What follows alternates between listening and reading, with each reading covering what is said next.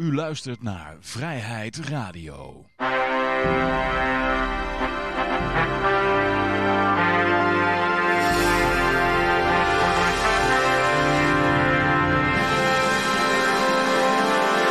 Ja, dames en heren, jongens en meisjes. Dit is weer een aflevering van Vrijheid Radio. Leuk dat u luistert. We zitten hier gezellig in Café Libertaria met op dit moment Peter en Joffie. Mijn naam is Johan. Als het goed is, komt uh, Lucas er ook nog zo bij. En uh, ja. Goed, ja. Um, je bent, uh, voel je vrij om in de chat te reageren. Dan kunt u met ons interactief zijn. Flabbergast die doet het al, lees, zie ik zo. En ehm, ja, wat kan ik verder nog allemaal zeggen? Um, nou, verder niks nieuws, hè? oh ja, we hebben een protestmars gelopen, Peter en ik. Ik wil het net zeggen, ik wil wel horen hoe dat het met jullie protestmars is geweest, maar ja, ja. die zal nog wel komen. Nou ja, Peter, vertel jij, uh, maar voor jou was het de eerste keer, hè? De eerste keer dat ik überhaupt demonstreerde, ja. Ja. Ja, wat ik opvallend vond is dat toen ik daar naartoe ging, dat, uh, dat je dan, ja, eerst wat mensen ziet die gewoon toeristen zijn of gewoon uh, mensen die wat in Amsterdam wat anders komen doen. En hoorde ik eentje wel zeggen, moet je kijken, die gekkies. dus die, die zie gewoon wat mensen lopen die naar een demonstratie gaan. Die zeggen, oh, die is een gek. en, uh, dat vond ik wel frappant. Ja, dat ze dan gewoon geen, die geen flauw idee waar het over gaat. Of waar die mensen voor staan. En, uh, je ziet iemand met een, met een spandoek lopen of, en dan zijn ze gek. Uh. Maar voor de rest, ik was onder de indruk van hoeveel mensen er was. Het was echt wel een stroom mensen van, ik denk wel, uh, ja, twee uur of zo kan er denk ik wel lang mensen voorbij zitten. Misschien wel meer. Ja. En, uh, ja, en de stemming was ook wel, uh, ja, was wel gemoedelijk. De politie is niet in actie gekomen voor zover ik weet. Uh, ik zou ook nergens op geslagen hebben. Ja. Ik heb er ook niks over gelezen dat er ongeregeldheden zouden zijn of iets. Ik had natuurlijk zelf opgeroepen om, uh, om de start van de Formule 1 te gaan protesteren. Maar het was op zich ook wel mooi op deze manier. Heel gemoedelijk. En ja, het heeft ook... Ja, wat moet je erop zeggen? Ik bedoel, de, de, de tijd gaat gewoon door. De regels die blijven gewoon van kracht. Er is helemaal niks veranderd. Ja. Weet je, dus, ja, je vraagt je altijd af hoeveel het uitmaakt inderdaad zo'n protest. Uh, het is eigenlijk meer het idee van, oh, je, je bent niet helemaal alleen. Ja, precies. Nou, je kan met wat gelijkgestemden praten en elkaar ontmoeten, inderdaad. Dat is zo. Ja, dat, dat vind ik wel, vind ik wel, uh, ja, vind ik wel wat waard. Maar ik denk dat, dat er gewoon niet, toch niet genoeg draagvlak is nog, in ieder geval nu, om dit tegen te gaan. Ondanks dat heel veel mensen toch al moeten beseffen dat dat hele verhaal niet klopt. Uh, hebben ze nou eenmaal een standpunt ingenomen. En daar komen ze niet meer op terug, denk ik. Want anders dan zouden ze ook... Uh, of, de, als ze erop terugkomen, dan moet dat eigenlijk aangegeven, aangereikt worden. Zeg maar, van jullie kunnen nu je mening wijzen.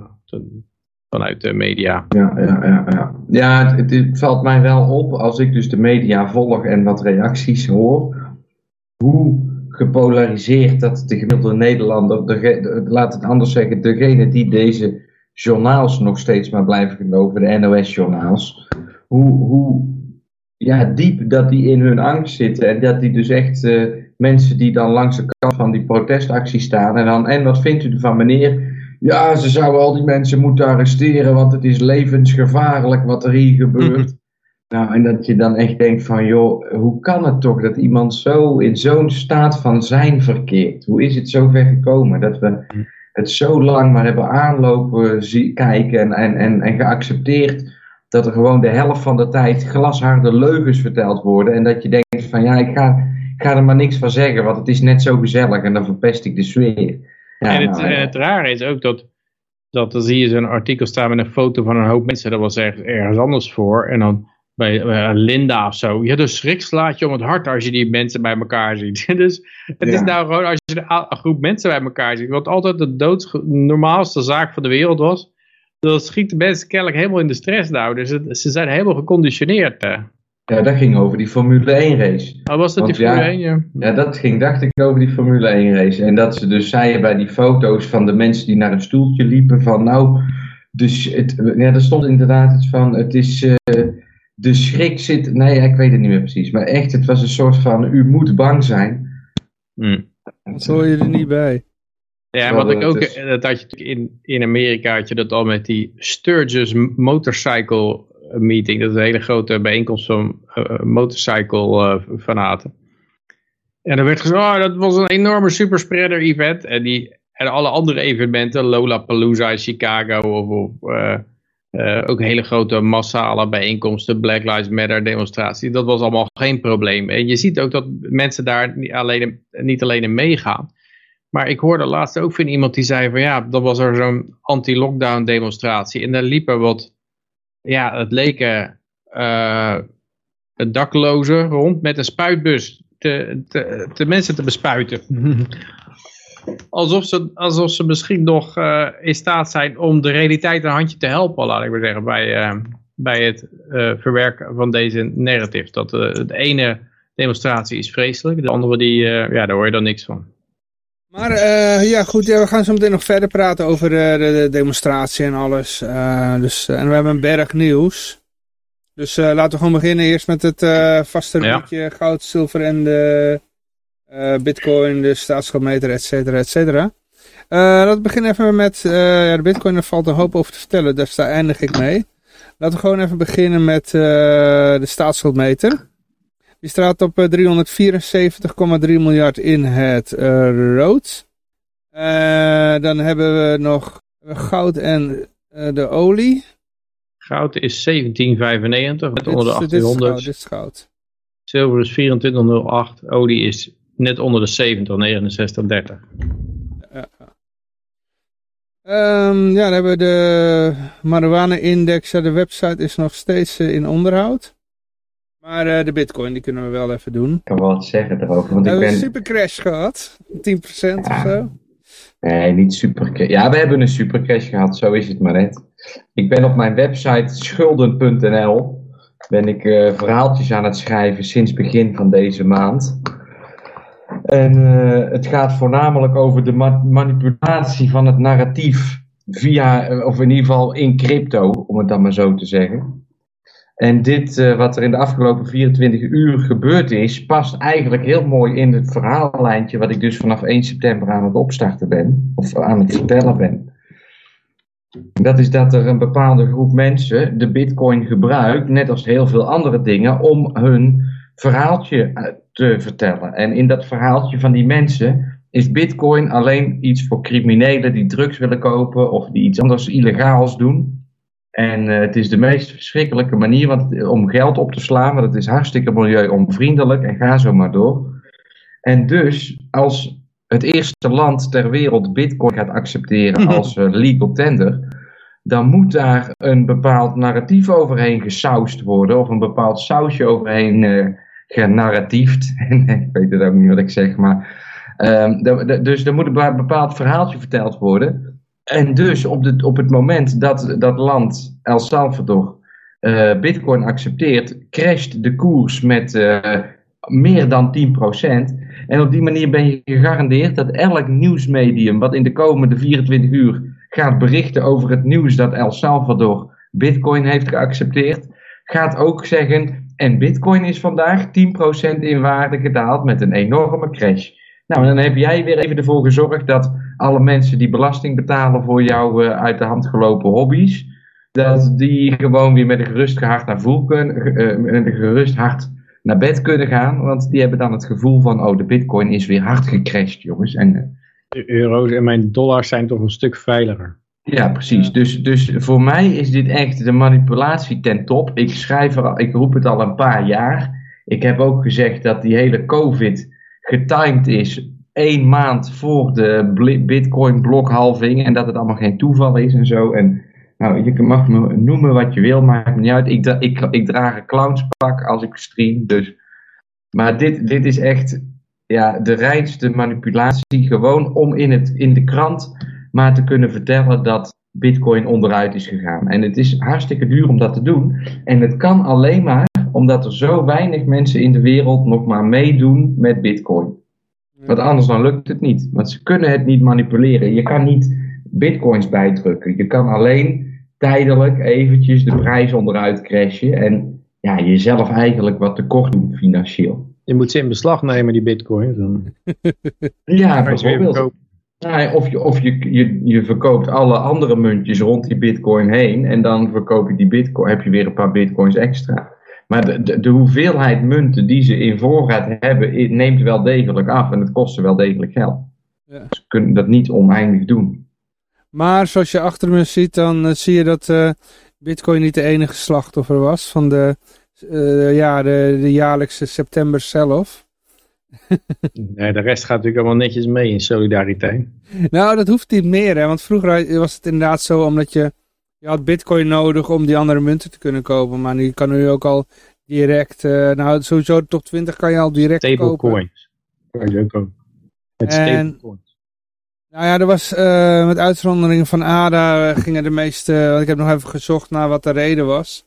En wat je toch vooral overal hoorde bij alle mensen die hier het hierover hadden. Eh, was, die- ja, die zeiden, die zeiden ja, het is gewoon september sell-off en zo. Maar de, ehm, de Cardano was weer een ander verhaal.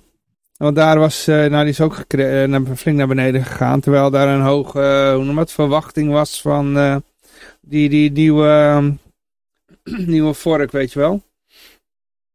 Dus ze gaan dat, eh, zijn nou... Smart contract. Zeg je? Smart Ja, contract. eh, wat uitgerold wordt. Nou ja, wat was er nou aan de hand met Cardano? Er was, ze zijn bezig met het uitrollen daarvan en eh, ze zijn er nog flink aan testen. En er was een eh, groep die had hun DEX van Ethereum gehaald en die wilde over, op eh, Cardano zetten. En dat werd getest. En daar was ja, een klein foutje, hè, want ze hadden die, Ethereum heeft een andere programmeertaal dan Cardano. Dus met dat omzetten daarvan hadden ze een klein eh, typfoutje gemaakt, denk ik.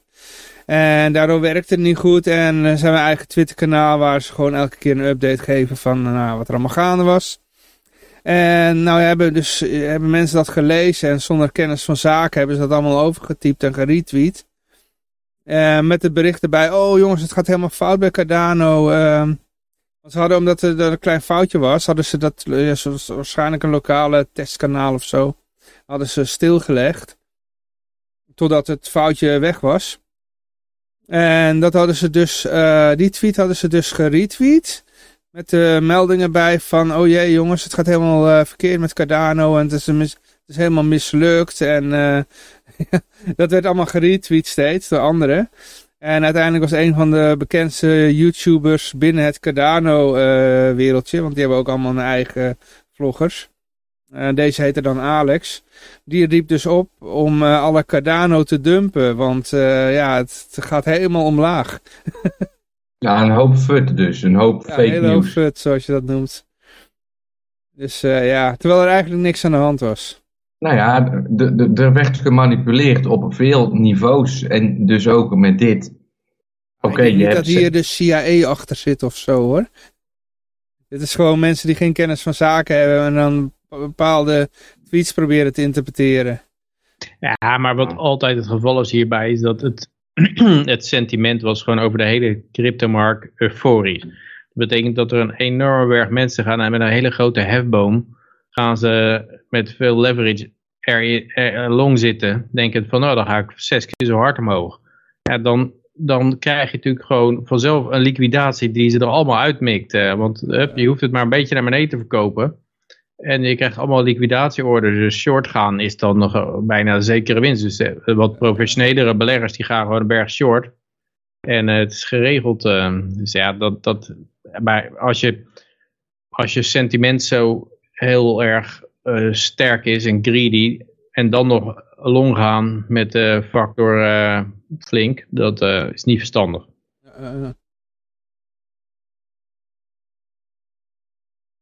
Ik ben in, de afgelopen, ben in de afgelopen paar dagen met iemand bezig die nu nieuw is in crypto. En die stelt me dus ook 101 vragen. En die zei dus meteen nadat het gisteren gebeurd was. Oh, en dit verlies kom ik nooit meer te boven. De prijzen komen nooit meer terug. Ik zeg, joh, dit is de dagelijkse swing van een cryptomunt. ja, ja. Wend hem maar aan.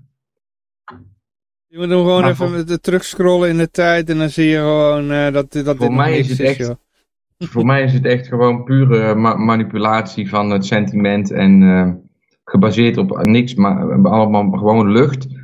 Eh, Om, om het verhaal te kunnen vertellen, El Salvador eh, maakt de verkeerde keuze en waag het niet als eh, overheid om dezelfde keuze te maken. Ja, persoonlijk heb ik wel een andere mening over El Salvador hoor. Ik bedoel, eh, ja, ik volg zelf al iemand die, eh, die is daar da- daadwerkelijk eh, aanwezig.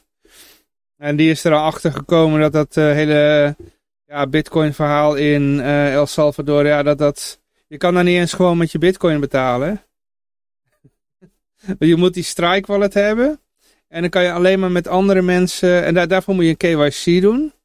Moet je al je gegevens eh, moet je overhandigen. En dan kan je alleen maar betalen met mensen die ook een strike wallet hebben. Snap je? Maar er was een, een tweet, die had 26.000 retweets. Dat iemand, die had toch echt in McDonald's in El Salvador met zijn strike wallet een Ja, kan ontbijtje wel, gekocht. En Het was maar er die- gelukt. McDonald's daar, die heeft ook een strike wallet. Ja, nou ja. Al die merchants die hebben er een. Dus het is een hele gesloten circuit. En nou kwam hij er ook achter van je kan je, je privésleutels eh, niet eh, exporteren. En als jij er eenmaal op je strike wallet bitcoin hebt gegooid, kun je het er ook niet meer afhalen. Je kunt alleen nog dingen verkopen. Ja, die moet je daar besteden in eh, El Salvador. Hm. Ja. Dus dat was, eh, ja, dat is het verhaal. Het is een daar. soort PayPal eigenlijk. Maar aan de andere Ja. kant, McDonald's, die kan het wel, om, die kan het wel afhalen, denk ik. Ja, die, die, Want die krijgen wel natuurlijk dat het alleen maar een internationaal bedrijf is, dus die, die, die zet het om naar eh, US dollars. En hoe heet dat? eh, eh, de, de overheid die weet er dan van, weet je wel. Het is een internationaal bedrijf. Dus, eh, ja, want je hebt op die Ja, wallet... Je, persoonlijk- Persoonlijk vind ik het dus altijd verschrikkelijk als ik dan die foto's zie dat mensen zeggen: Joepie, ik heb een McDonald's hamburger gekocht met bitcoins. En dan denk ik bij mezelf: ja, moet ik er nou helemaal geweldig vinden dat ik bij die troepwinkel eh, een hamburger kan kopen? je kan daar ook groenten kopen hoor. Salade. Ik, ga altijd, ik lees de Playboy voor de artikelen. Ik ga naar McDonald's voor de salade. Ja, ja. Ja, ik word er gewoon niet enthousiast van als ik, als ik dat. eh, als ik dat lees, dan denk ik, ja, nou, voor mij is het geen vooruitgang. Ik heb liever die, laam, die alpaca sokken van eh, acht jaar geleden. Maar ja, goed.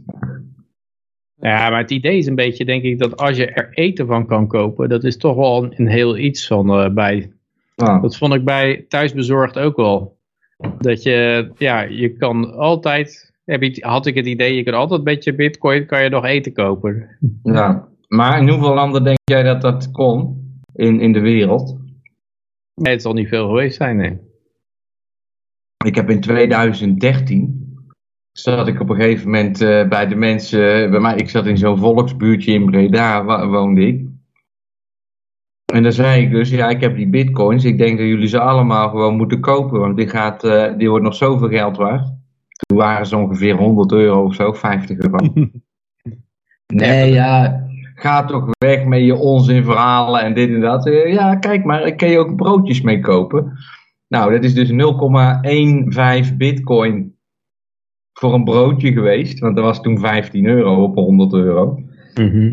Maar ze stonden wel allemaal te kijken van verrek, hoe heeft die Joostje daar nou weer voor elkaar? Dat ze hier met een of andere... Ze komen gewoon dat broodje geven en hij hoeft helemaal niet te betalen. En hij zit wel zijn broodje te eten. Dus ja, Ja. ik gooide daar wel hoge ogen mee. Maar er was toch uiteindelijk niemand die het echt durfde om erin mee te gaan. Terwijl dat er wel mensen waren die daar ja, wat, wat economie hadden draaien, zeg maar. Dus dat, dat ja, nou ja, nooit gelukt. Ik ben nooit zo'n goede verko- verkoper.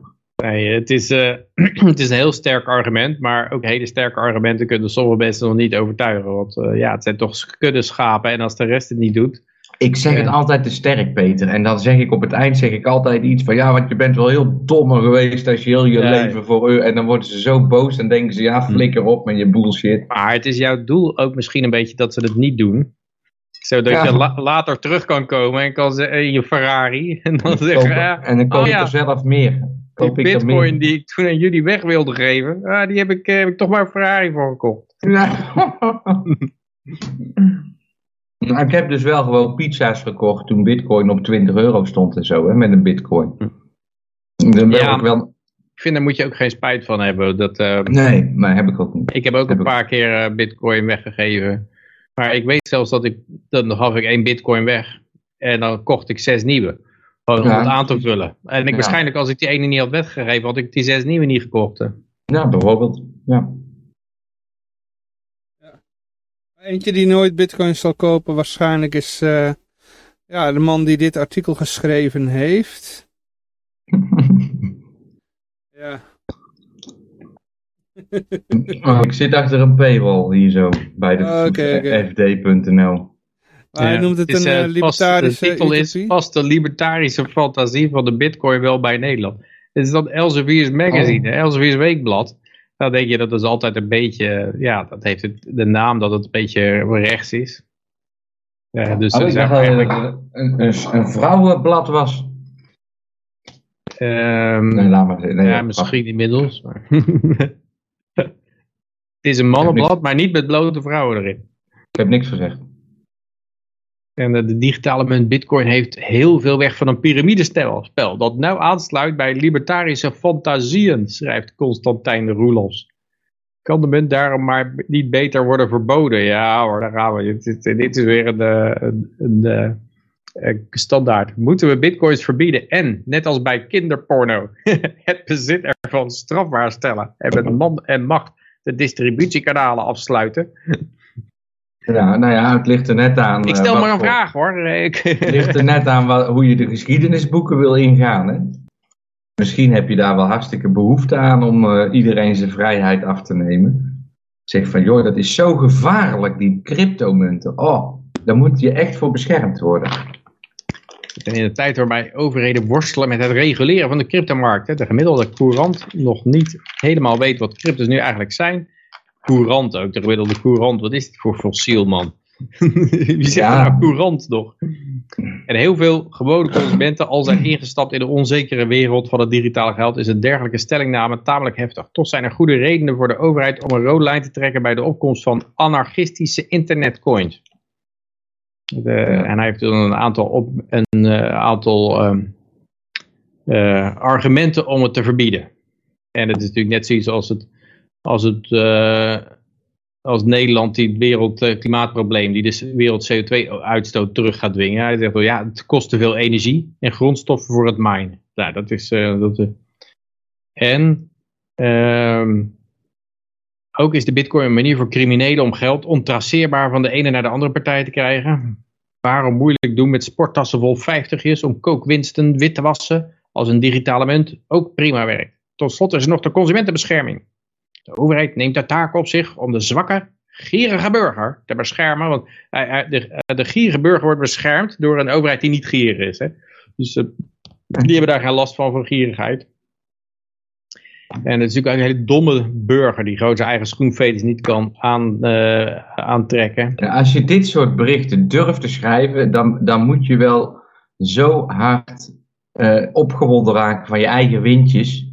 Anders dan krijg je het niet uit je pen geschreven. Als je, als je, als je niet helemaal vol bent van jezelf dat je geweldig bent, dan kun je zulke soort taal Nee, niet- nee, maar volgens mij is het juist, hij ziet de burger als, als zwak, zwakke, gierige burger. Dus dat, dat, is, dat is altijd het spel van de overheid. Je moet eerst de burger zijn zelfvertrouwen breken en hem helemaal kapot maken dat hij aan zichzelf gaat twijfelen en helemaal gaslighten dat hij denkt dat hij niet goed bij zijn hoofd is. En dan kan je daarna erin komen en zeggen, nou, jij bent niet goed bij je hoofd, je hebt ook een leider nodig. Ja. En dat, dat, dat, de zwakke gierige burger te beschermen tegen de zonde van het gokken en de verlokkingen van oplichters. Dit is waarom roulette verboden is, in, in, is buiten het Holland Casino. Dus alleen bij de staat mag je wel bij de roulette. Dus dat is ook al belachelijk. Ja. De staat die je dan gaat beschermen tegen de, die stomme burger die zo graag wil gokken, die mag dan wel gokken bij de staat. En, en dit, dit, de logische gevolg hiervan is dat, dat ook alle crypto, behalve die van de overheid, verboden moeten worden. En dan kom je dus bij de CDB, Centrale Digital Bank Currencies uit. En dan gaat hij verder, bitcoin is een grootschalig piramidespel. Ja, nou, echt, echt misinformatie ten top. Maar het mag allemaal gewoon geprint worden. Want we zijn namelijk de grootste eh, genocide aan het, aan het plegen op het moment. Dus elke leugen is toegestaan om je maar af te leiden. Ja. Het, is, eh, het is echt te, te, te En het is wel prima om eh, 2 triljoen dollar naar Afghanistan te brengen. Om de Taliban daar te bewapenen en 20 jaar lang naar huis te houden. Maar eh, Nee, dit- Ja, of, of, eh, of, of zonder aflossing te mogen lenen en, en je lekker je hypotheek Ja. eh, laten staan en zo. hè. En dan komt die bitcoin verwezenlijkt libertarische droom die niet welkom is in Nederland. Dus het is, eh, daar, daar, ben ik, daar kan ik wel beamen. Dat, is, eh, dat ben ik wel met hem eens. In Nederland zijn er alleen maar van die... eh, nou ja, ik, ik zal ze nog te vriend houden, maar... Als er ineens een parallel... Wat, Ik, ben, ik, ben, ik, ik heb er weinig spijt van dat ik vertrokken ben tot op heden. Dat als er een, ineens een parallelstelsel van betalingsverkeer ontstaat, waarop de overheid geen zicht heeft en waarmee zij ook niet kan herverdelen, dan is de staat een van zijn belangrijkste taken kwijt. kwijt het herverdelen. Ah, zullen de libertarische ideologen achter de bitcoin zeggen, maar dat is juist de bedoeling. De bedoeling is om een deflatoire munt te hebben waarvan de overheid niets kan afromen. Dit soort libertarische fantasten verdienen echter geen plaats in de moderne staat. Nou, dan gaan we al naar de kampen toe. Eh, Libertarisme is immers niet zozeer een werkzame politieke ideologie, maar een slaapkamerfantasieformat. En er staat eigenlijk geen enkel argument in, hè? Je noemt het gewoon een slaapkamerfantasie voor mensen die niet zoveel buiten komen. Lands bekend, de libertariër woont nog bij zijn moeder. Oh, Wie is dat dan? ja, dat is dan uh, Manders, Manders. denk ik. Die woont nog bij zijn Twan, moeder. Twan woont toch niet bij zijn moeder? Nee. Misschien... eh, Robert eh, Valentine of heet die? Robert Valentine. Woont die nog bij zijn moeder? Ik zou het niet weten eigenlijk. Het moet of Hij woont Robert in. Baarn, dat is het enige wat ik weet. Maar, eh, Moeten we het toch eens aan hem vragen dan? ben jij, ben jij Islands bekendste libertariër? Nou, als we Frans nou bekendste even allemaal de i-gulden op, als we nou allemaal de i-gulden opkopen, dan wil ik ook wel het stokje overnemen. En dan, eh, dan, dan ga ik deze vent aan de tafel zetten en dan wil ik met hem wel eens een discussie voeren, want dit gaat helemaal nergens over. dat Dat het bij de een- overheid moet dus nog maar eens goed nadenken of we die bitcoins wel binnen de grenzen van ons koninkrijk willen. Dat is de grenzen van ons koninkrijk. Alsof die bitcoin een bepaalde fysieke locatie heeft binnen die grenzen. Oh, dan Ja. komt de bitcoin de grens over. Hou hem tegen, snel. Ja, ja het is Eh. echt, eh, het is, het Maar is, er is een reden. Het is eh, ongelooflijk dat het- maar Hij had het over criminelen met sporttassen vol, eh, vol, vol contant geld. Er is een reden dat die criminelen dat doen en niet bitcoin gebruiken, weet je wel. ja, ja, het is, Dat de bitcoin juist ja, traceerbaar is. Constantijn Roelofs studeerde Colonial and Global History in Leiden. Kwam na een lange stage bij het EW terecht in de journalistiek. ja. Nou, als Het dit schreef- journalistiek is, oh, sorry. Ja. Ja, het is, het is, het is gewoon frappant dat er geen enkel argument is. Alleen fantasie, slaapkamer, fantastisch, bij zijn moeder woont. eh, en ja, dat is het ongeveer. En de staat die moet alles controleren, want anders zijn criminelen. het blijft gewoon een feit dat de overheid het meest eh, gevaar kan vormen voor een bitcoin op dit moment. Nog steeds, we zien het met alle absurde regulering die nu plaatsvindt, waarbij klanten die met euro's willen handelen, alle vrijheden worden afgenomen en totaal eh, ja, gevangen worden door het regime. En het is, het is best wel treurig om te zien hoe dat Nederland eh, met, met crypto omgaat, als je dat vergelijkt met een El Salvador bijvoorbeeld. Hè, En ja, het, het kan allemaal zoveel anders, maar het lijken inderdaad de Nederlanders zelf te zijn die het dus niet willen. Die dus net als deze Constantijn Roelofs eh, gewoon zulke, zulke meningen erop nahoudt. En echt eh, misschien wel oprecht eh, tevreden zal zijn als de bitcoin uit Nederland verdwijnt. Terwijl dat je dan echt jezelf, je eigen vrijheid in, zo, in, in zulke mate beperkt. Dan ga je dus echt... Deze man wil dus op een eilandje leven zonder dat hij ook maar iets van het buitenland, want we hebben onze grenzen binnen het koninkrijk en die wil gewoon nooit meer naar het buitenland Ik reizen. wil En- natuurlijk dat ze het in het buitenland ook verbieden, idealiter in zijn hoofd. eh. maar het punt is een beetje dat hij inderdaad het beeld heeft dat alle onderdanen domme sukkels zijn. En criminelen, domme sukkels en criminelen. Dat zegt hij eigenlijk.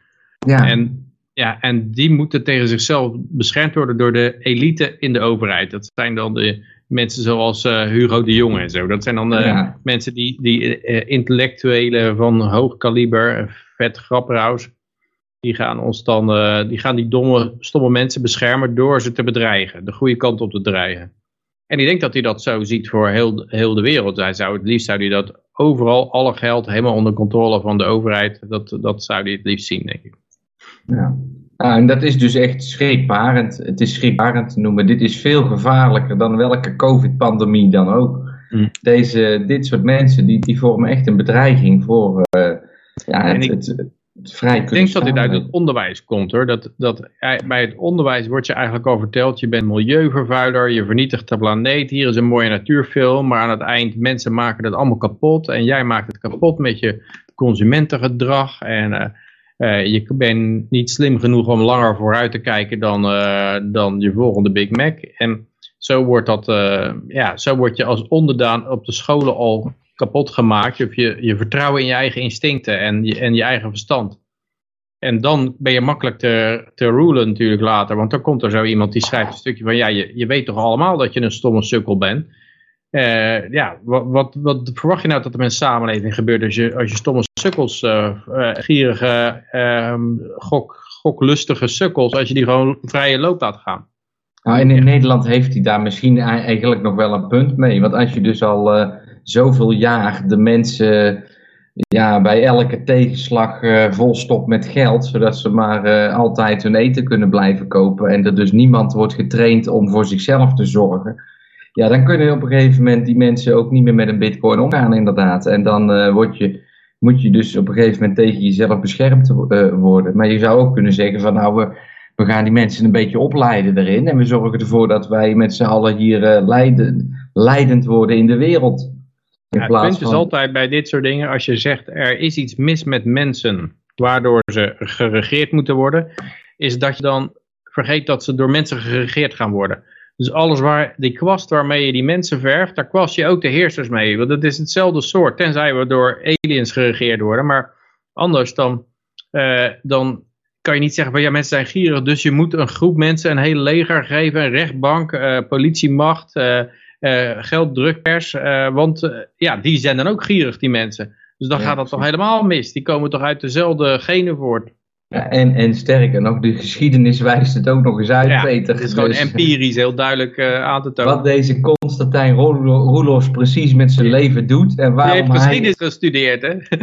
Ja, en waarom hij in het eh EW-magazine iets mag schrijven is mij volkomen een raadsel. Maar ja, het is mij wel Maar meer een raadsel.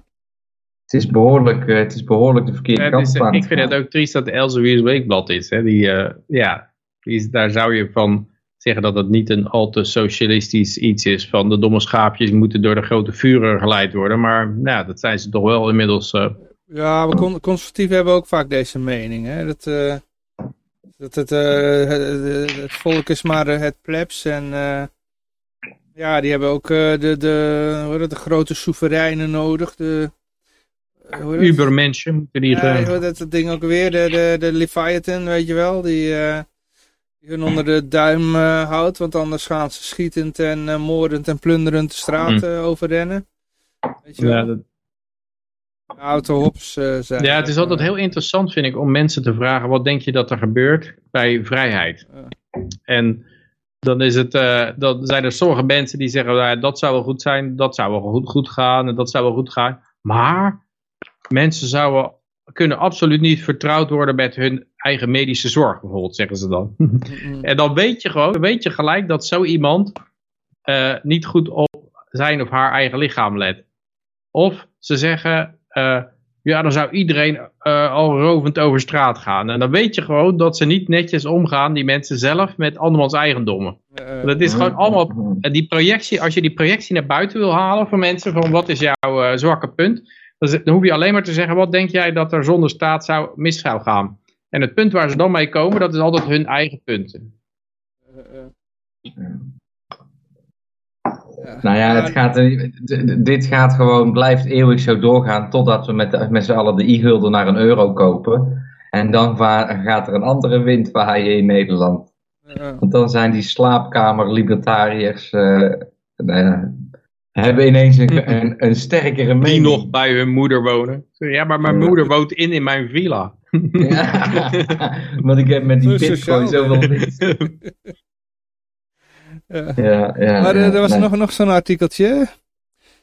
Even kijken hoor. eh, De inflatie vereist juist dat eh, overheden eh, meer uitgeven.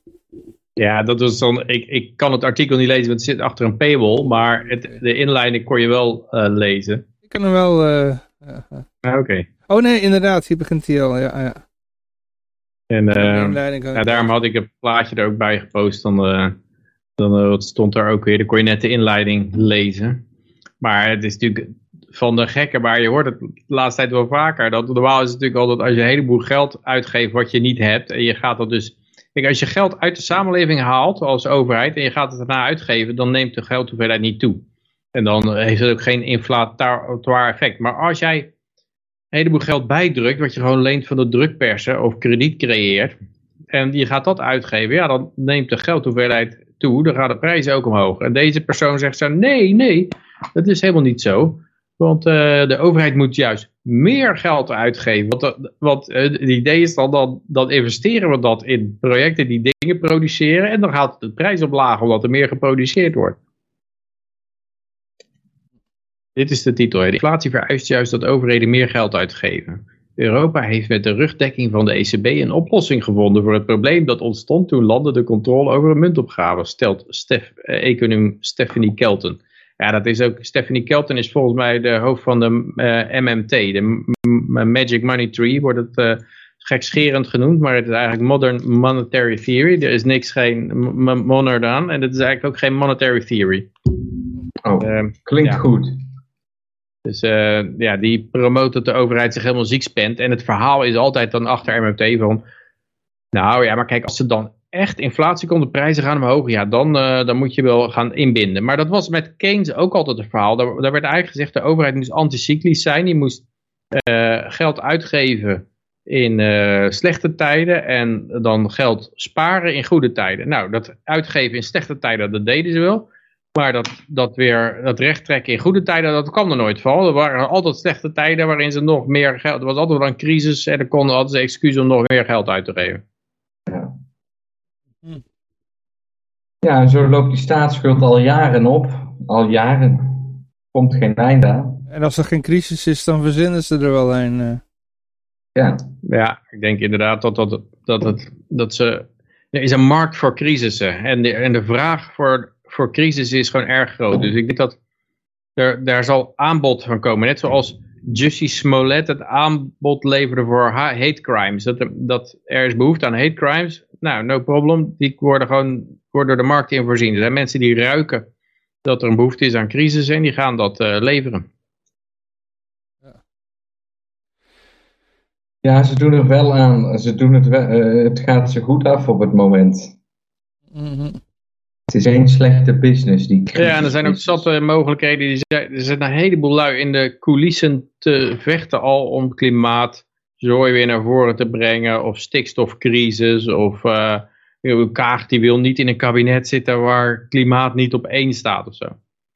Ja, dan zijn er ook weer, er is ook een of andere Nederlandse miljardair, die is dan een software miljardair, met, uh, heeft iets met zoekmachines gedaan of zo. Die gaat dan ook een hele hoop geld aan politiek geven, dan hou je altijd je hand vast. Ja hoor, D66, want klimaat was het ergste wat er, uh, wat er was. Dus nou, dan weet je gewoon dat geld dat stroomt door allerlei marketingbureaus in. En die schrijven heel nu.nl weer vol met met klimaatcrisissen, want daar worden ze voor betaald door deze miljardair. Dus uh, ja, dan krijgt iedereen het idee van, nou, er is inderdaad een ontzettende crisis aan de gang. Want uh, ik kan nog geen krant openslaan of uh, de staten spinnen worden bozer vanwege klimaat. ja. ja, en daardoor ver, verzinnen die Constantijn Roelofsen van de wereld dan weer dat ze toch gelijk hebben met hun, met hun mening. Nou. Ach ja.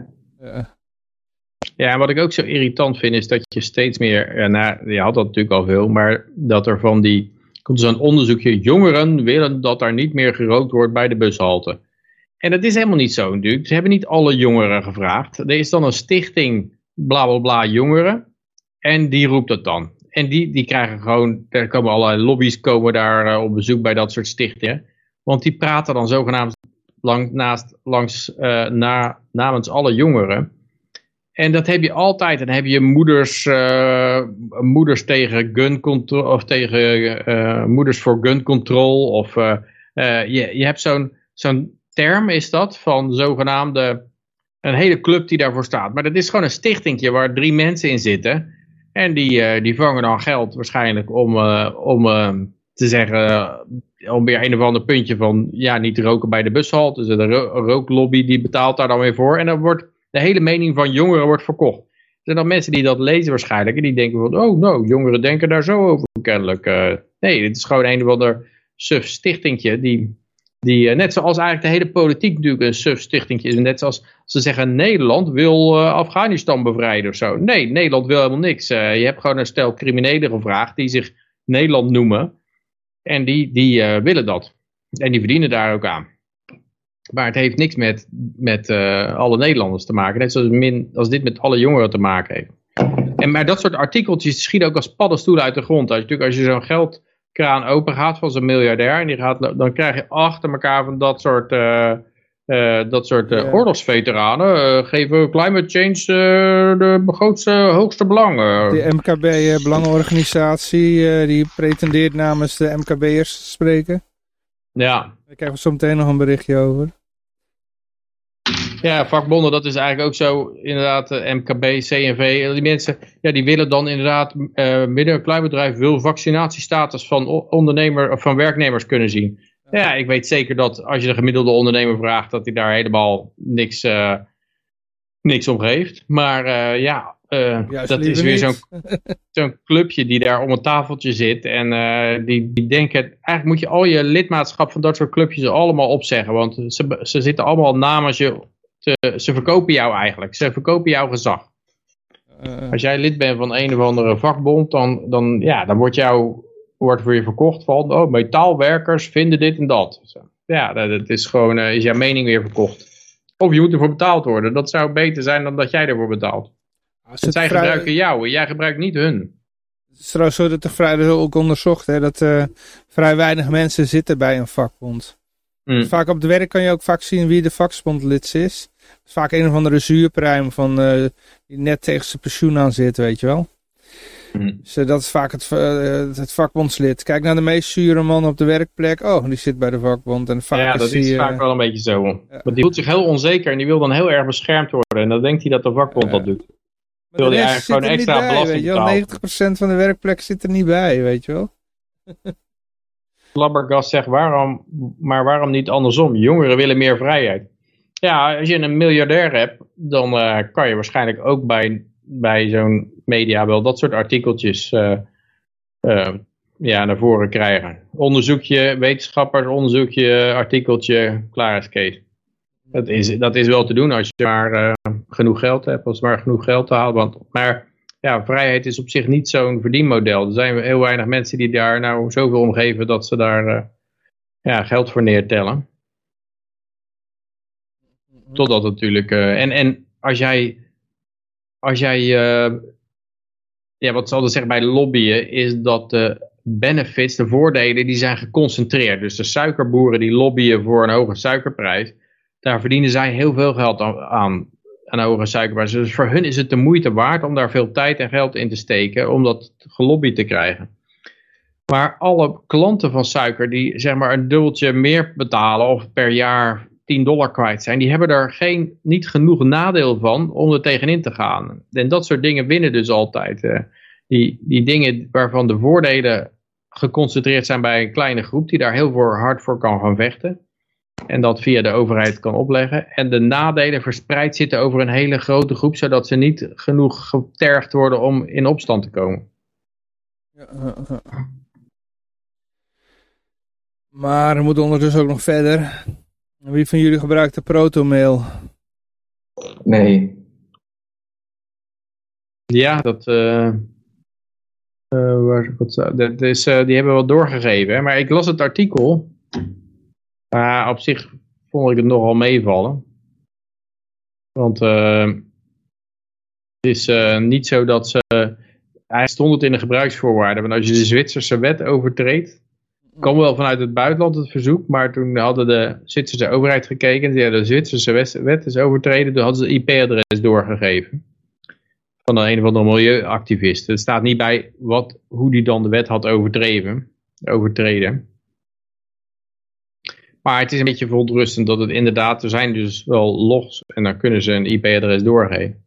En ik vraag me ook af hoe dat dan zit als er een VPN tussen zit.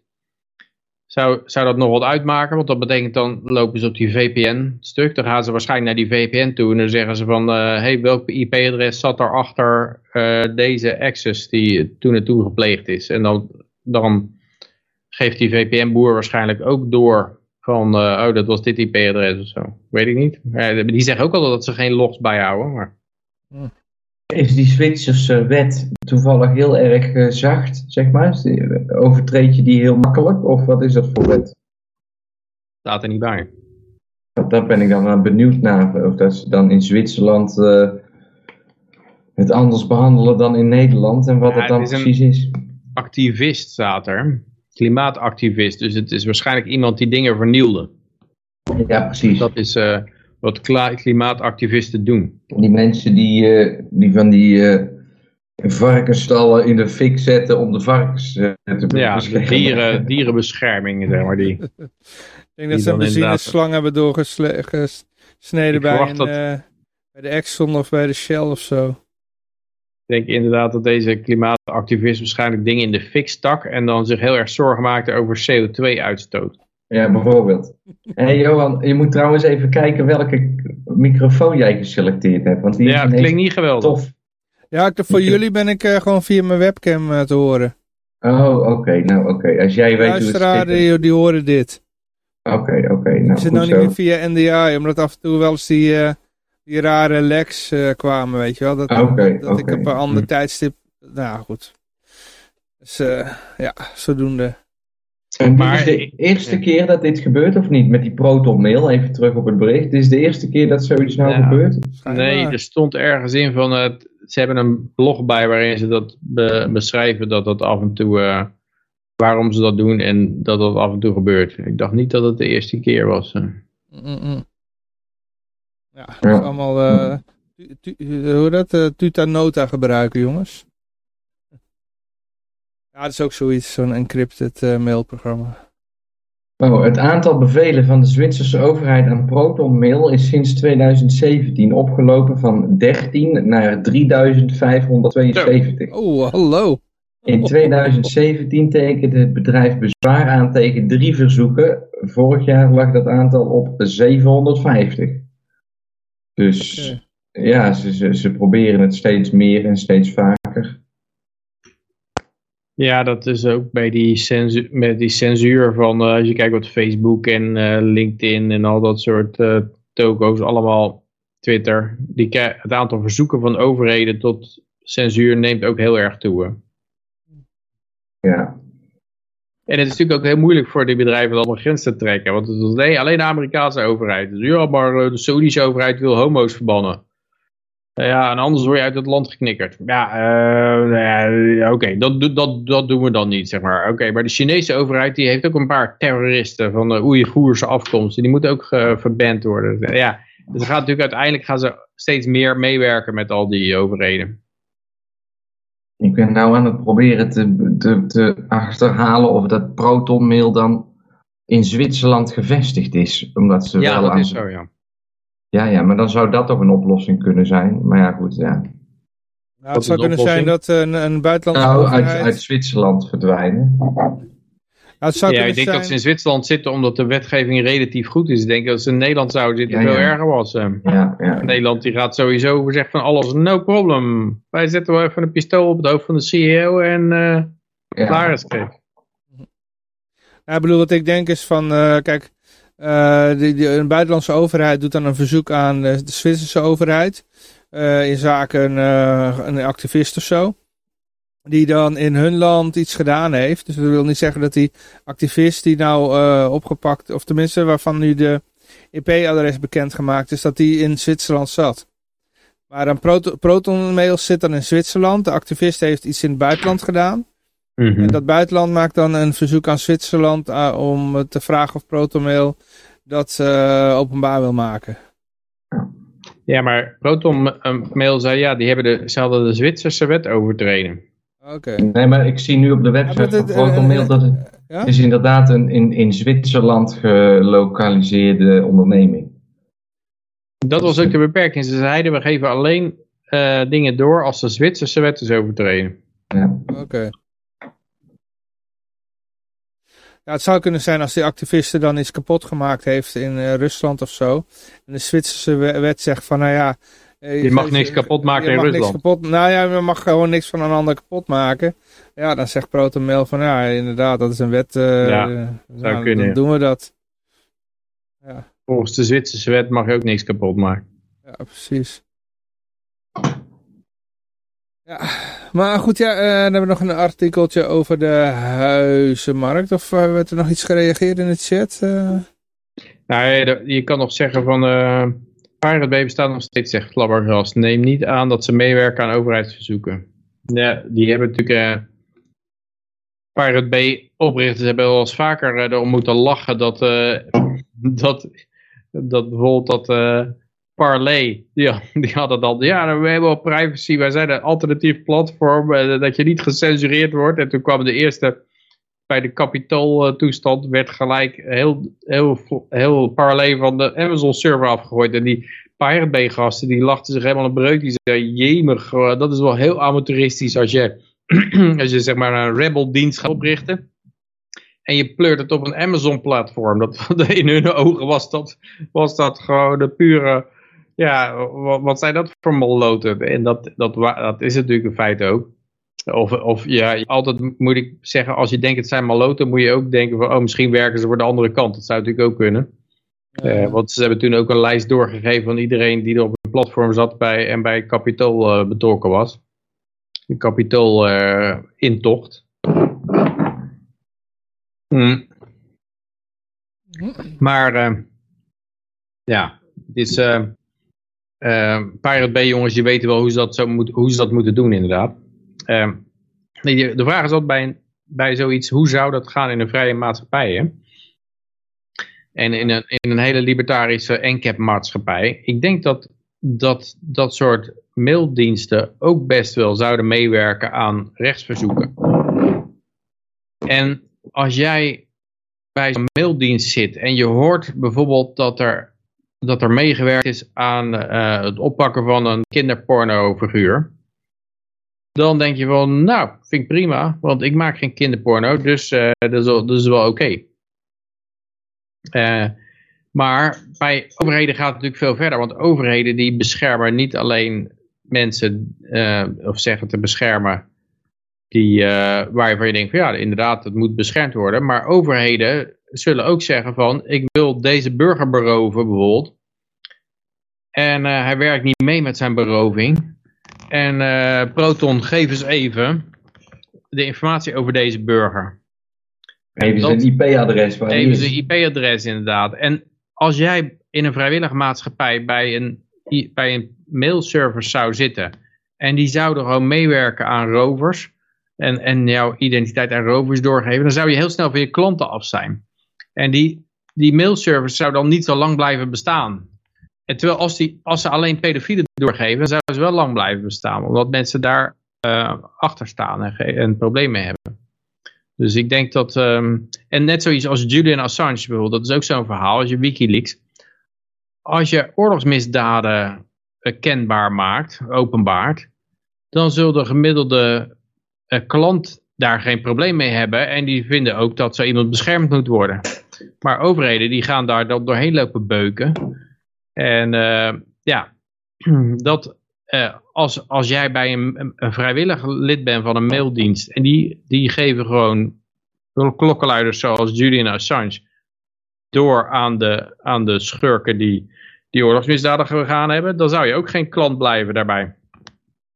En dat alleen al weer houdt houdt, die e-mailbedrijven integer. Maar nu kunnen ze zich natuurlijk allemaal achter de overheid verschuilen. Omdat de overheid allemaal alles overruled met uh, bescherming. Die heeft een monopolie.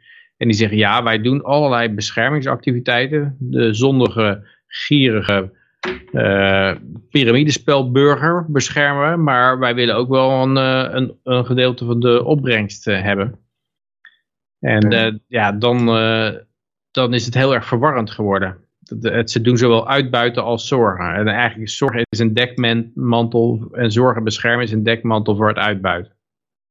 Maar misschien, misschien het positieve aan dit bericht is om toch te constateren dat een protonmail dan misschien het IP-adres kan doorgeven aan die overheden, maar dat het bericht aan zich nog steeds versleuteld is. En dat je dan naar die fysieke locatie moet gaan om van die computer de sleutel te bemachtigen voordat je daadwerkelijk kan lezen wat er dan geschreven is. Dus, ja, maar ook als ze dat niet kunnen lezen, de, ze, hebben, ze hebben die vent gewoon gearresteerd. Als ze nou wel of niet kunnen lezen. Dus uh, ja, en misschien is het een slechte vent hoor, dat weet ik niet. Maar dat, dat kan je, daar kan je niet meer van uitgaan nu. Hè? Misschien is het wel een vrouw, hè? weet jij veel. Ja, dat kan ook. Ja, als ze geen, geen VPN gebruikten, zeker ja. nou, misschien hebben ze nou het IP-adres van een VPN, hè? Nee, nee, die, die is al gearresteerd. Of de oh, persoon is al gearresteerd. Ja. Oh ja, die gebruikt dus geen VPN. Ja, of die gebruikte VPN en ze hebben Noord, die zat gewoon bij Noord of zo. en die hebben ze gewoon, uh, die hebben ook een brief gekregen van maak even bekend uh, wie dat was. ja, daarvan zeggen, die, zeggen ze altijd dat die, dat die uh, VPN's geen logs bijhouden. Dus die, die, niet kunnen zeggen van deze IP zat gelinkt aan deze IP. Maar ik, bij, als Misschien ik dit soort dingen... als een Opera browser. als jij een klimaatactivist bent die dingen opblaast of zo. Uh, die, die dingen in de fik steekt voor een beter milieu. Dan gebruik je toch een VPN zou je haast zeggen. Dus dan, je vraagt je af hoe, in hoeverre VPN uh, betrouwbaar is. Uh. Nou ja, als die bedrijven op dezelfde manier kunnen worden, onder druk kunnen worden gezet en, en daarin meegaan elke keer, dan heeft dus ook VPN uiteindelijk niet echt zin. Nee. Ja. Nee, maar je probeert altijd te achterhalen van wat is nou gecompromitteerd en wat niet. Hè? Van, moet je daar ook nog Tor tussen zetten bijvoorbeeld. Uh, dat, je, dat je via, als, je, als jij echt niet uh, lastig gevallen wil worden door de overheid, dat je Tor, VPN en dan, uh, dan een, een mailservice gebruikt. Ja. Maar... In de blogpost beschrijft Proton Mail verder dat het bedrijf ook een Tor-website aanbiedt die anonieme toegang tot de e-maildiensten moet faciliteren. Proton gaat in de toekomst ook duidelijk aangeven in welke gevallen het bedrijf moet meegaan met verzoeken van autoriteiten op zijn website. Eigenlijk zeggen ze wel, je kan er ook met Tor bij, sukkel, en dan loop je minder risico. Maar we moeten nog even verder. Uh, ja, de huizenmarkthysterie, daar gaan we het even over hebben. Uh, deze wetswijzigingen uh, moeten huisjesmelkers tegen gaan. Dat zal natuurlijk met uitzondering van Prins Bernhard zijn. Het hele rare is ook dat je noemt iemand die een huis koopt en het verhuurt, noem je een huisjesmelker en daarmee wordt het gewoon onwenselijk. Gewoon door een bepaald labeltje op te plakken met een negatieve annotatie. annotatie. Want anders had die huurder zelf het huis gekocht en dat is per definitie beter. En waarom is dat per definitie beter? Eh, we hebben toch die 2009 die crisis gehad dat een heleboel mensen die een huis niet konden betalen een huis kochten met een enorm bergkrediet. En die helemaal failliet ging aan het eind. Het was niet per definitie beter. Ja, precies. Misschien zijn er nou juist heel veel mensen die... Uh...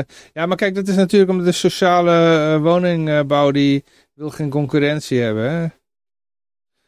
Dat zit erachter, denk ik.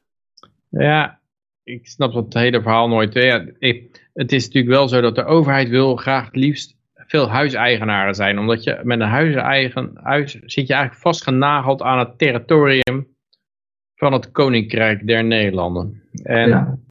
Dat willen ze natuurlijk graag hebben, dat je niet weg kan. een huurder is in principe flexibeler in de zin dat hij kan zeggen, hé, hey, uh, toedeledokie, ik ga naar Servië toe of zo. en dat is wat moeilijker voor een huiseigenaar. Nou, ik denk ook wel dat je dus, uh, als je dan naar Servië verhuist, kom je erachter dat daar op een heel andere manier wordt omgegaan met vastgoed en voornamelijk ook land. Want uh, we praten hier nu over vastgoed en vastgoed dit, maar het gaat ook voor een deel om de grond waar het op staat. Hmm. En na die oorlog die hier uh, Joegoslavië uiteen heeft laten vallen, waren er bijna eigenlijk alleen maar verliezers. Heel veel mensen hebben alles verloren. Um, en om dus te voorkomen, om, te, om, om het volk te beschermen, dat zij dus nog wel hun eigen stukje grond kunnen bezitten, kun je hier geen grond. Komt ook een beetje voort nog uit het hele kapitalistische verleden hoor. Maar Je kan hier dus geen eigenaar zijn van Communistische verleden bedoel je waarschijnlijk. Wat zei ik? Kapitalistische verleden. Oh ja, nee, sorry. Het communistische verleden, inderdaad. En ehm, ja, je kan hier dus geen, de, geen grond bezitten. En dat is. De, de, ja, daardoor krijg je. Je kan dus wel een huis kopen, maar in zekere zin heb je altijd het risico dat de overheid, die jou in principe een 99-jarig leasecontract geeft, Ja, in toch ineens de eigenlijk. bestemmingsplan. Nee, toch Mhm. ineens het bestemmingsplan wijzigt, zeg maar. eh, eh, Maar, maar dit heeft dus een beetje volgens mij ook wel iets protectionistisch in zich in Nederland. Want ja, er zit inmiddels zoveel geld in de wereld. Dat al die Nederlanders die vroeger heel rijk waren met hun huizen. Tegenwoordig heeft dat Amsterdam. Amsterdam heeft zoveel marketing gedaan. Heel Nederland is zo goed aangeschreven op de hele wereld. Dat er maar genoeg mensen zijn die gewoon een huis ook in Nederland willen hebben om daar een tijdje te kunnen wonen. Dus ik denk ook dat er zoiets nog achter zit. Dat ze dus willen zeggen van ja, eh, we willen hier echt mensen hebben die hier vast wonen. En niet die hier gewoon voor een huisje erbij een paar maanden per jaar eh jointjes komen roken of zo. Dus, Ja, wat ze altijd aangeven bij dit soort dingen, dat is hun, hun denkbeeld van, ja, normaal zou iedereen een huis kunnen kopen, maar er zijn natuurlijk een hoop mensen ontevreden die bieden maar omhoog. En eh, ik wilde, dat is niet alleen bij huizen het geval overigens, ik wilde een auto kopen en ik deed een bod en het was ook alweer verkocht. Dus die auto's die vliegen ook als broodjes over de toonbank. Dat is een tweedehands dan. Ja, ja. En ehm, dat, ehm, ik denk wat zij altijd zeggen is van, ja, die mensen kunnen geen huis kopen. En dat komt omdat speculanten en speculeerders, die maar een hele berg eh, speculaas hebben om zo'n huis te kopen, Ja. die, die, die kopen dit huis Die drijven de prijs op. die drijven de prijs op. Anders had iedereen een huis gehad, dat was het geweldig geweest. Maar nou, nou moeten ze wel van een speculant huren. Maar het punt is dus eigenlijk dat de reële economie zo in disbalans is met de financiële economie door het oneindig bijdrukken van geld sinds de jaren 70. Hmm. Dat die speculanten die over heel de wereld gewoon actief zijn en bestaan, uiteindelijk al die huisjes makkelijk kunnen opkopen. Want die hebben een paar bitcoins gekocht voor 5 euro en die zitten nou op een kapitaal waarmee ze dat huis in één keer eh, cash afrekenen. Nee, dat niet eens. Kijk, het zijn mensen die ergens doorhebben hoe inflatie werkt. En dan, als je het ze vraagt, dan zullen ze niet eens zeggen van, oh ja, centrale banken drukken een hoop geld en daarom wordt het geld minder waard. Dus daarom moet je schulden aangaan en harde assets kopen. Dat zullen ze niet zeggen. Ze zullen zeggen, eh, in mijn ervaring gaan huisprijzen altijd omhoog. Dus je kan Mhm. maar het best zo zwaar mogelijk leveragen. En dan net niet zo zwaar dat je in 2009 niet, eh, niet eh, gekild wordt ja. net iets minder zwaar dan dat. Je moet net niet in de voorste linie lopen, de Lehman zeg maar. Je moet er net iets achter blijven, maar, maar zo scherp mogelijk aan de wind zeilen. Dus zoveel mogelijk lenen en, en huizen kopen. En eh, ja, dan kan je vanzelf overwaarde erin. En dan kan je weer meer hypotheek nemen en nog meer huizen kopen enzovoort. En dat, het zijn eigenlijk gewoon, waar ze een hekel aan hebben, het zijn mensen die doorhebben hoe het systeem werkt.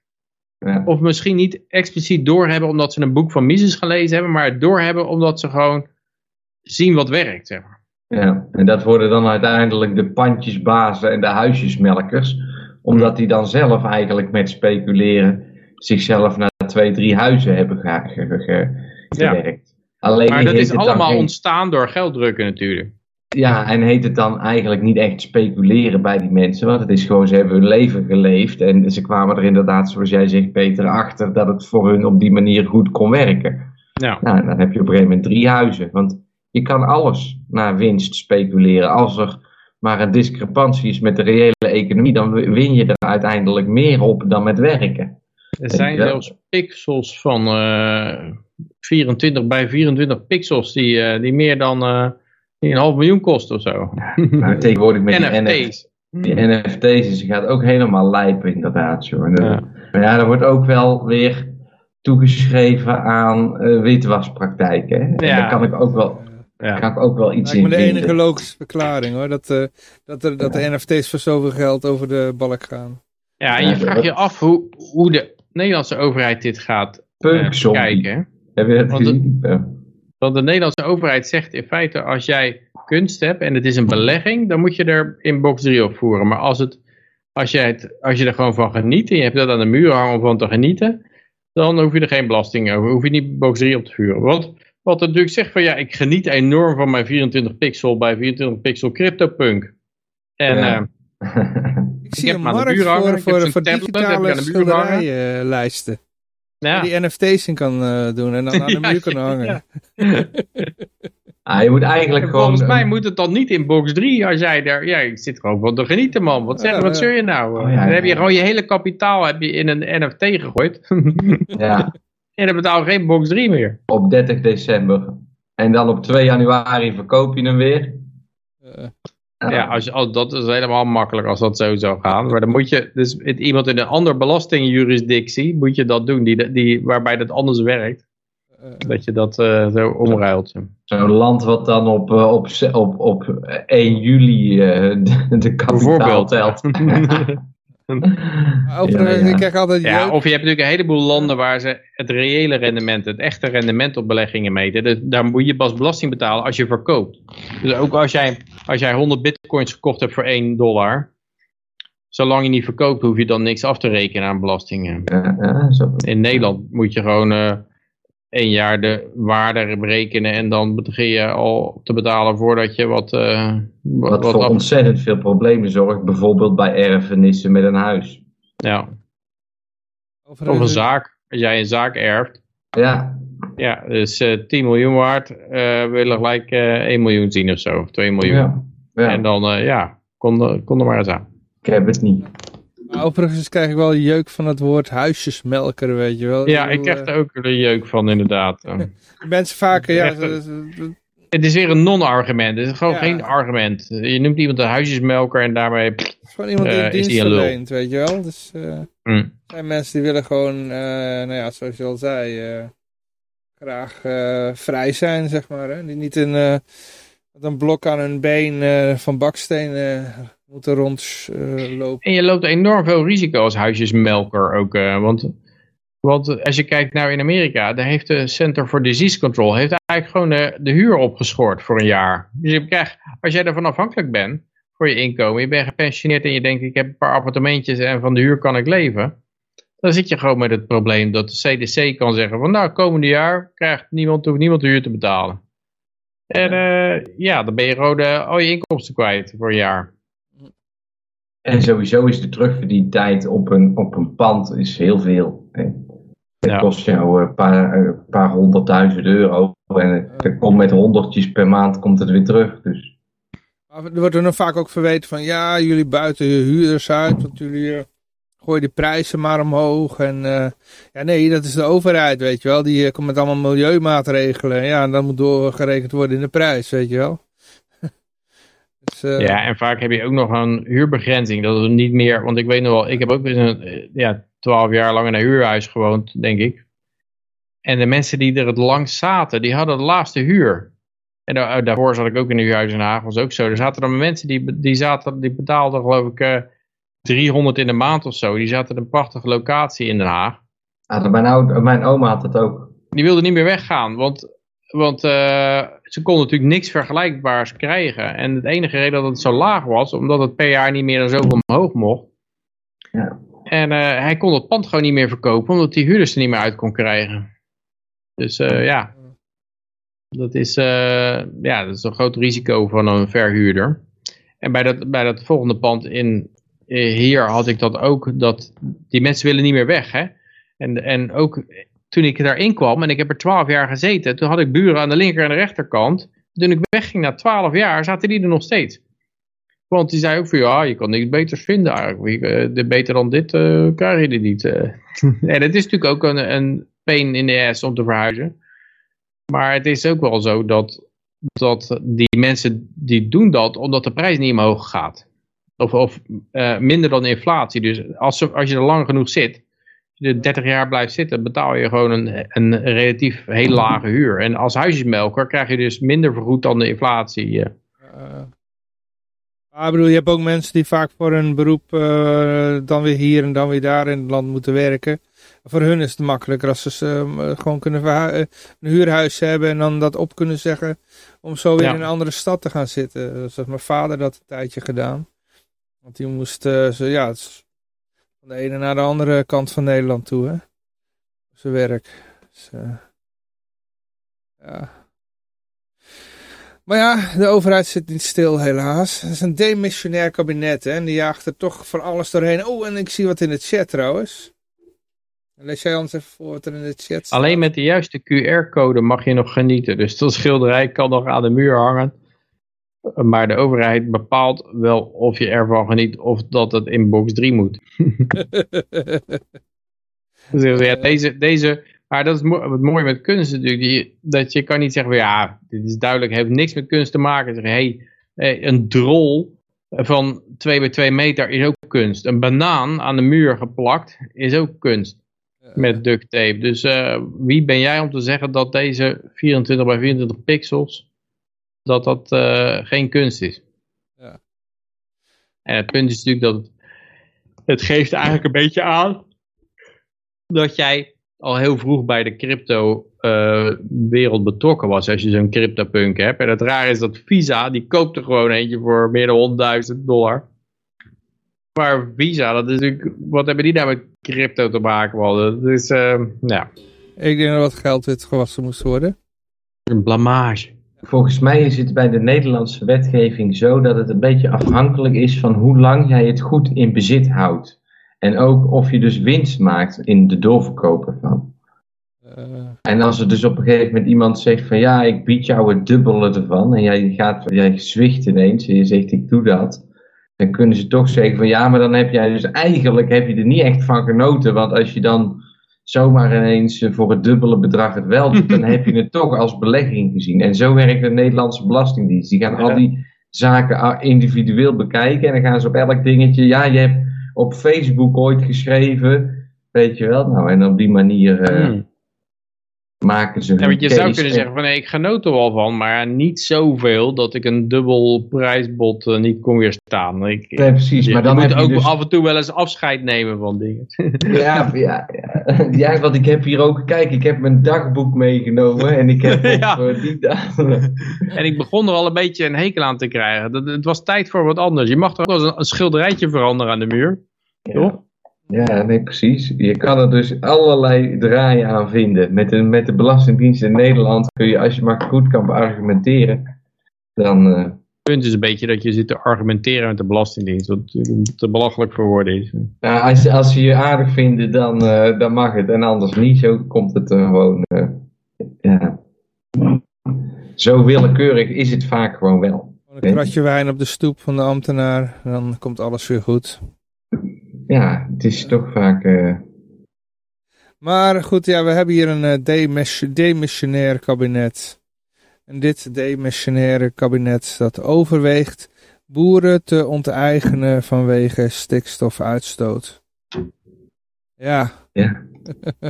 Demissionair zijn is toch alleen maar even op de, op de toon passen? Ik heb er niks op gevolgd. Ik heb dit is helemaal langs me heen gegaan. Uh.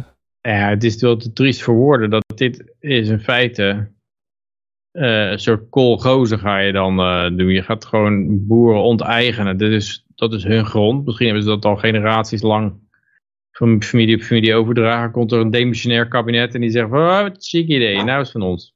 Uh, en omdat jullie te veel stikstof uitstoten. Dit is echt... Ja, dit, is altijd dit, al zo geweest. Hè? Dit, uh, nee. In Nederland is eigenlijk niks. Uh, geen, kent ook eigenlijk geen eigendomsrecht. Nee, nee. is eigenlijk van, uh, van de koning. Hè? En dan bedoel ik ja. het instituut de koning, niet van de man die zichzelf nee, koning bedoel, Als jij je onroerend goedbelasting niet betaalt, dan kunnen ze ook gewoon je huis inpikken. Ja. Dus, maar hier is het niet zo dat, dat die boeren hun belasting dan niet betaald hebben. Wat ze uiteindelijk gewoon gebeurt is dat er wordt gezegd, ja, jullie houden je niet aan onze, onze waanzinnige wetten. En daarmee, daarmee hebben wij het recht om jullie je grond af te nemen. En je wat fiat geld voor terug te geven. Dat we net uit de drukpers wissen. Ja, ik vind het toch wel heel uh, serieus, ook omdat het uh, voedselproductie is. Hè? Uh, als, als je, ja, je weet wat er in, in die sofgozen gebeurde. Ik zie staatsvijand er al over beginnen. Zich onder Stalin hoorde weinig over stikstofproblemen.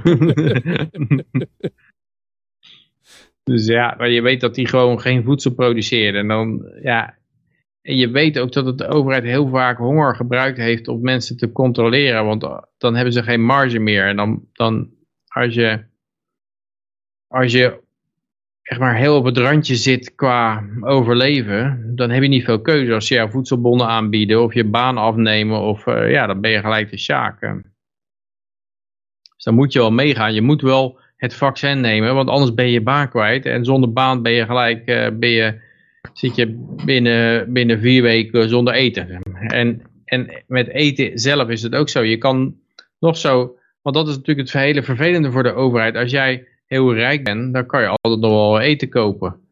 Maar dat willen ze niet van die mensen die, die arrogant zijn en denken van ik red mezelf wel. Dus op een gegeven moment zeggen ze nou je mag gewoon de, supermarkt niet meer in zonder je QR-code. En dan maakt het niet uit hoeveel geld je hebt. Je kan nog steeds niet bij je eten komen. En, uh, en als ze met voedselbonnen gaan werken, omdat de boeren geen voedsel meer produceren, maar dan moet alles een beetje uh, verdeeld worden met voedselbonnen, wat er nog geproduceerd wordt. Ja, dan maakt het ook niet uit dat jij heel rijk bent. Je kan er toch niet veel mee uh, met dat geld. Ja, nou, je hebt hier dus heel veel mensen die gewoon op de stoep hun spulletjes verkopen, elke dag. Mm. Groente voornamelijk, vlees niet zo natuurlijk, want ja, het is op straat. Maar groente en fruit, dat kan ik hier gewoon, als ik dus de deur uitloop, dan heb ik uh, in een straal van 200 meter heb ik uh, zes locaties. Buiten de supermarkten die er ook nog eens zitten. Maar zes, zes plekken waar je, waar je voedsel kan kopen. Dus misschien dat je dat dan wel gaat zien. Dat mensen het in de Albert Heijn kopen. En dan gaan ze het voor de Albert Heijn doorverkopen voor de dubbele prijs aan de mensen die geen mondkapje dragen. Ja, maar dan krijg je natuurlijk concurrentie tussen. Want uh, die mensen, die, uh, dan gaat er iemand anders verkoopt het voor 25% en dan iemand voor 10% winst. En dan... Ja, ja nou ja. En, en, en, ja, maar dat je voor, uh, dat die... die maar dat is dus een... een... Teken, hoe heet het nou die aan de deur bezorgen? die, dat je daar toch gewoon geen QR-code voor nodig hebt? Sorry, wat zei je? Die, uh, die, die, die, die diensten die uh, boodschappen leveren aan de deur. Uh. Ja.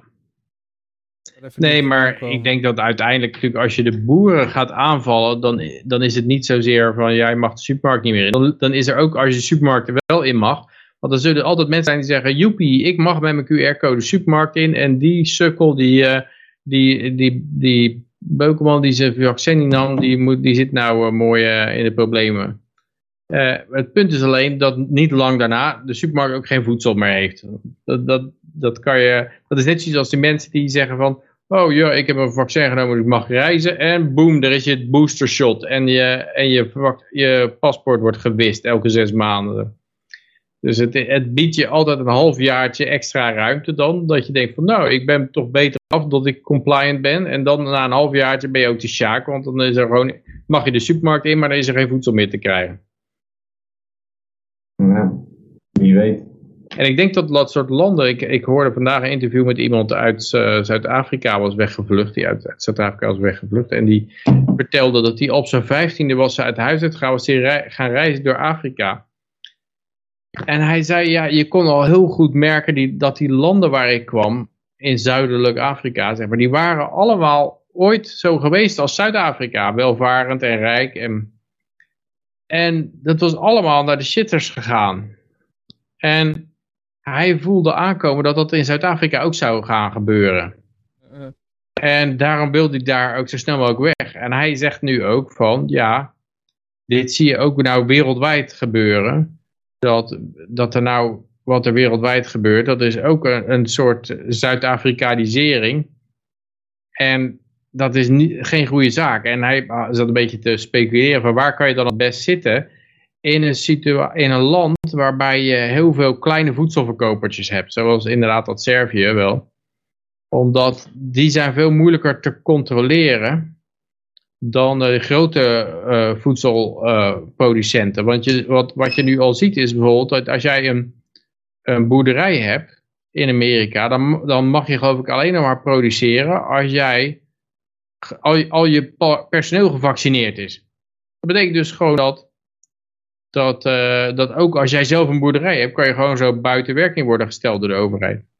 En dat lukt niet in, denk ik, in landen zoals Servië of Georgië of uh, Costa Rica of zo. Gewoon omdat de infrastructuur er niet is om al die kleine keukenbuurtjes uh, dit soort waanzinnige dingen te laten, uh, ja.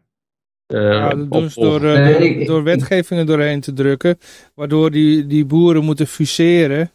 En dan worden het grote boeren.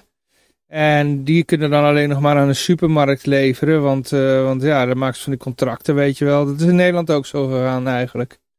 Ja, ja gaat wel wat jaren overheen. Hè? Daar gaat ook tijd overheen. Ja, maar dat dus, doen ze dan versneld. Want nu weten ze ongeveer wat de weg is daar naartoe. Ja, maar ik bedoel, als je wat meer tijd wil hebben, dan kan je naar dat soort landen misschien kan je nog wel wat, kan je nog wat langer uitzingen. Ja, maar het komt hier inderdaad ook wel hoor. Maar ik wilde er nog aan toevoegen dat wat Peter bij de Europese Unie komen wel, ja.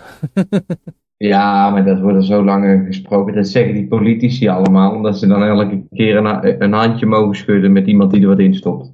Ja. Maar de mensen die zitten er niet zo op te wachten. Nee, ik, ik wilde toevoegen dat dat soort winkeltjes op de, door de hoek van de straat, die, dat is allemaal informele economie. Die, die, daar krijg je geen bonnetje en die... Hmm het is geen BTW die je daar uh, betaalt op je, op, je op je mais. Dus ja, dat, dat is gewoon zo gegroeid, omdat de mensen je moeten over, moesten overleven. Er is een hele kleine overheid. En, en de afgelopen 30 jaar is het zo, 20 jaar is het zo gegaan. Dus ze hebben dat nou opgebouwd. En dat is wel een, ja, een heel goed gevoel in principe om tussen te lopen. Je koopt een meloen voor uh, eh, 60 cent. En ja, dat, ja. Ik denk dat je ook het veiligst bent als je bij een bevolking uh, zit die zwaar bewapend is. Ja, dat is ook een goede bescherming. Maar ik denk dat uiteindelijk de ultieme bescherming is een intelligente bevolking. Als je tussen allerlei maloten zit, dan kan je eigenlijk niet tegen beschermen. Want dat, dat noemde hij ja, ook. Maar maloten heb je ja, overal eigenlijk hoor. Ja, maar hoeveel maloten? Daar gaat het om. Niet dat er maloten zijn, maar hoeveel maloten zitten er om je heen? Hoeveel gebrainworste zombies? Eh, want dat is uiteindelijk wat, ja, dat... wat natuurlijk in, bij Stalin en Hitler en Mao en zo, het, hoeveelheid gebrainworste zombies was te groot geworden om daar ook wat aan te doen. En dat vertelde hij ook. Hij kende dan in Zuid-Afrika mensen die zeiden van, nou, dat maakt niet uit. Wij hebben gewoon onze eigen community. We zijn helemaal self-sustaining. En, uh, en ja, we zijn bewapend ook. En hij zegt, ja, maar je doet er niks tegen als er een hele menigte plunderaars op je afkomt. Dan heb je er gewoon niks aan, aan dat soort... Uh... Belangrijke machinegeweren te hebben. Ja, je moet inderdaad enorme vlammenwerpers en machines. Je moet uh, drones en F-16's hebben. Je moet in ieder geval heel zwaar bewapend zijn om daar nou, die, te Die vrouw van die, uh, dat die, dat die twee Amerikanen, die toen die Black Lives Matter protest aan de poort kregen die had kennelijk zo'n uh, antiek geweer wat helemaal niet werkte. Hoe heten die twee nou? Die uh, ja, later zelf zijn aangeklaagd omdat ze zich hadden beschermd. Zijn nee, ze dat zo'n klappertjespistool, zo'n heel kleine ladygun. En die andere had was, was voor mij gewoon een AR-15 of zo. Ja, die andere die had wel echt een wapen inderdaad. Maar zij had toen, uh, ze gingen voorstaan en ze ging allemaal zwaaien met dat geweer. En dat was toen genoeg om die hele menigte, die allemaal ja, ik weet niet wat ze riepen, ik weet het. Ik ben niet zo'n sensatiezoeker dat ik het onthoud, maar uh, ja. Ja, maar ik bedoel, als je hele samenleving naar de shitters gaat, er zijn ook een aantal joden die hebben zich, uh, die hebben hun wapens niet opgegeven in de Tweede Wereldoorlog, of, of eigenlijk voor de Tweede Wereldoorlog in Duitsland. En die hebben het ook uitgevochten. Die zijn in een wijk teruggetrokken en die hebben, die hebben gevochten. Maar gevochten tot ze de dood erop volgden. En uh, ja, dat uh, bedoel, als kleine groep kan je het niet tegen een groep maloten. Als je echt een grote groep maloten hebt met, met, een, met een enorm waandenkbeeld gedreven in hun hoofd, dan, dan kan je daar niet tegen verdedigen. Je moet in een omgeving zitten waar, waar redelijk wat ja, uh, sane mensen zitten, zeg maar, waar redelijk wat, wat, wat verstandige mensen op zitten. Ja. Eigenlijk ben ik wel gek dat ik elke keer met die e-gulden nog probeer om het uh, te veranderen. Want ik kan beter eruit blijven. Vluchten is eigenlijk volgens mij altijd de beste optie als je, als je het als je het bekijkt, want neem nou, je had in Zuid-Afrika gebleven en je had geprobeerd te vechten om het land nog enigszins beschaafd te houden. Ja, dat was je waarschijnlijk toch niet gelukt, dan was je alleen onderdoor gegaan. En hetzelfde geldt eigenlijk voor al die dingen. Had, je, had jij hard kunnen vechten om de ondergang van Rome tegen te gaan? En, eh, met, eh, had je hard kunnen vechten om Stalin of Hitler tegen te houden? Nee. Wat je had moeten doen in dat soort gevallen, als, als je een individu raad had moeten geven met, met de wetenschap van de toekomst, had je moeten zeggen, ja, eh, stop maar met blogartikelen, stop maar met met schrijven van boekjes en pamfletten en theaterstukken en uh, proberen argumenteren en zo, wegwezen. Dat is het enige wat er nog op zit. Geen ja, parades meer in Amsterdam. Komt er nog een vervolg op die, uh, op die parade van jullie? Ja, dus, nou, dat was niet van ons hoor, maar uh, ze schijnt, er schijnt nog wel wat, wat te komen, heb ik gehoord. Mijn verjaardag is 29 september. Hè? Als je mij nou plezier willen doen, dan ga je met z'n allen op 29 september lopen. Maar uh, ja, we hebben nog, uh, nog veel meer uh, berichten. hier nog een berichtje over van de SP. Die hebben weer een fantastisch plan. Ze willen een boete die gekoppeld is aan je inkomen. wat als je helemaal geen inkomen hebt? Krijg je nul boete. Ja, ja, dan, houden ze, dan houden ze het in op je basisinkomen. Oké. Nou, dit hebben ze in Finland al, hè. En ik denk dat in andere landen, sommige landen ook wel, dat je boete gekoppeld is aan je inkomen. Want dat betekent dat als je, als je alle prijzen koppelt aan je inkomen, je ook de prijs van brood gekoppeld aan je inkomen, de prijs van uh, groentesoep gekoppeld aan je inkomen. Gaat in één keer uh, iedereen minder. Dan heb je eigenlijk gewoon uh, het communisme te pakken. Ja, waarvoor zou je dan überhaupt nog een hoog inkomen proberen te verwerven? Er is geen enkel nut meer voor dan. Heel veel ja. zwartwerkers.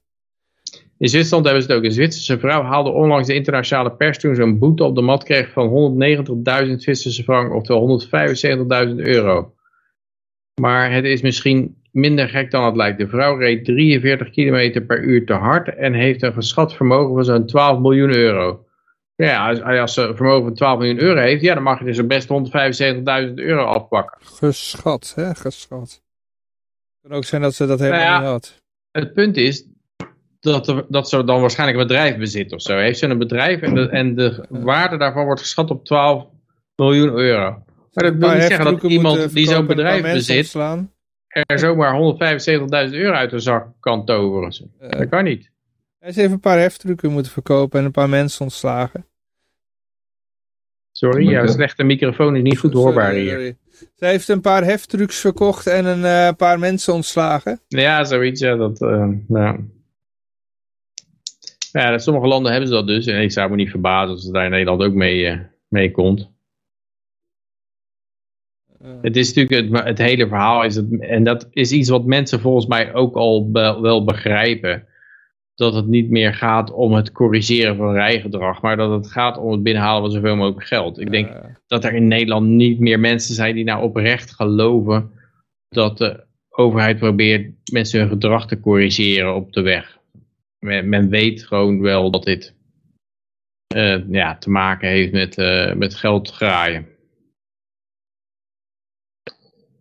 Ja, ik zat er nog wat, wat alternatieven te denken. Van misschien moet je gewoon de waarde van de auto waarin ze inrijden als boete opleggen of geen zo. boete?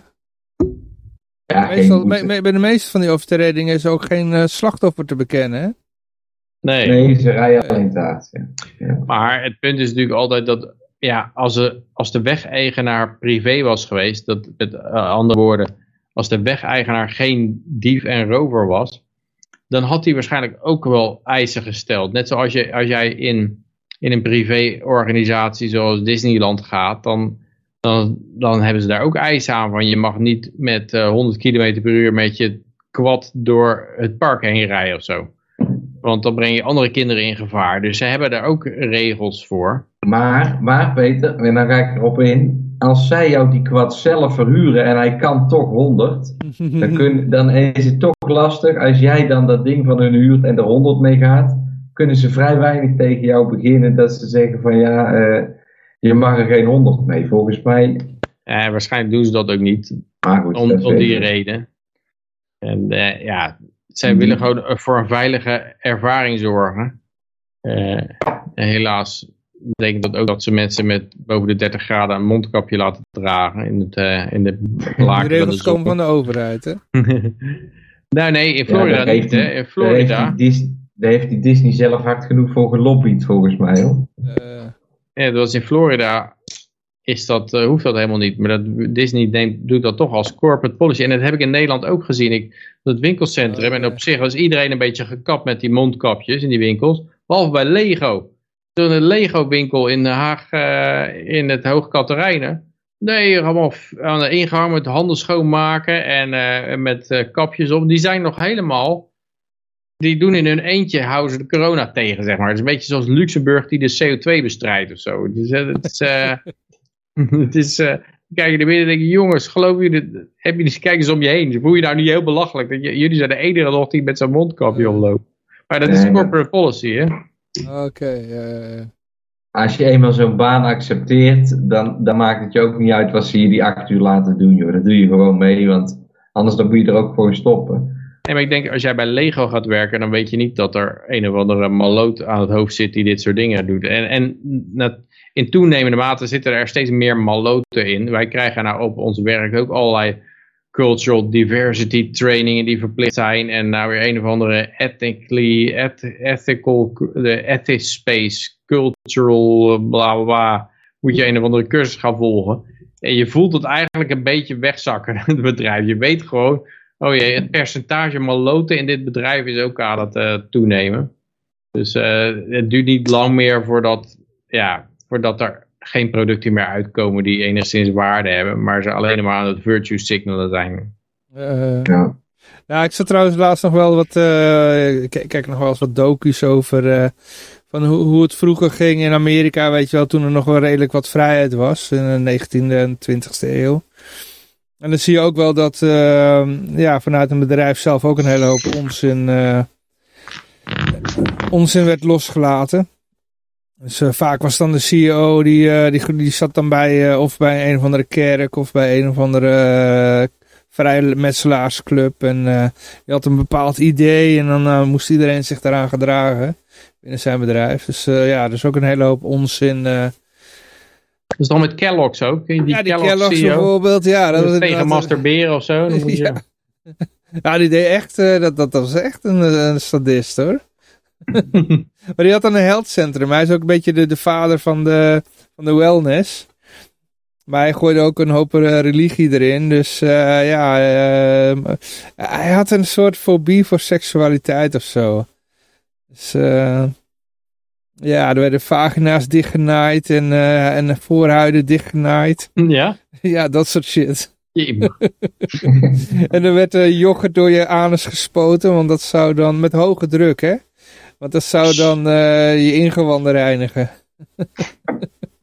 Elke keer als ik met jullie denk het kan niet gekken, dan komt Johan er weer overheen. Yoghurt er onder hoge druk door je anus spuiten. Ja, ja zijn, broer, zijn broer heeft trouwens de, de, de, de cornflakes uitgevonden. Dus uh, we hebben het nou dus niet over, ja, de, je hebt de, de, het waren twee broers. Die hadden dan een enorme wellnesscentrum.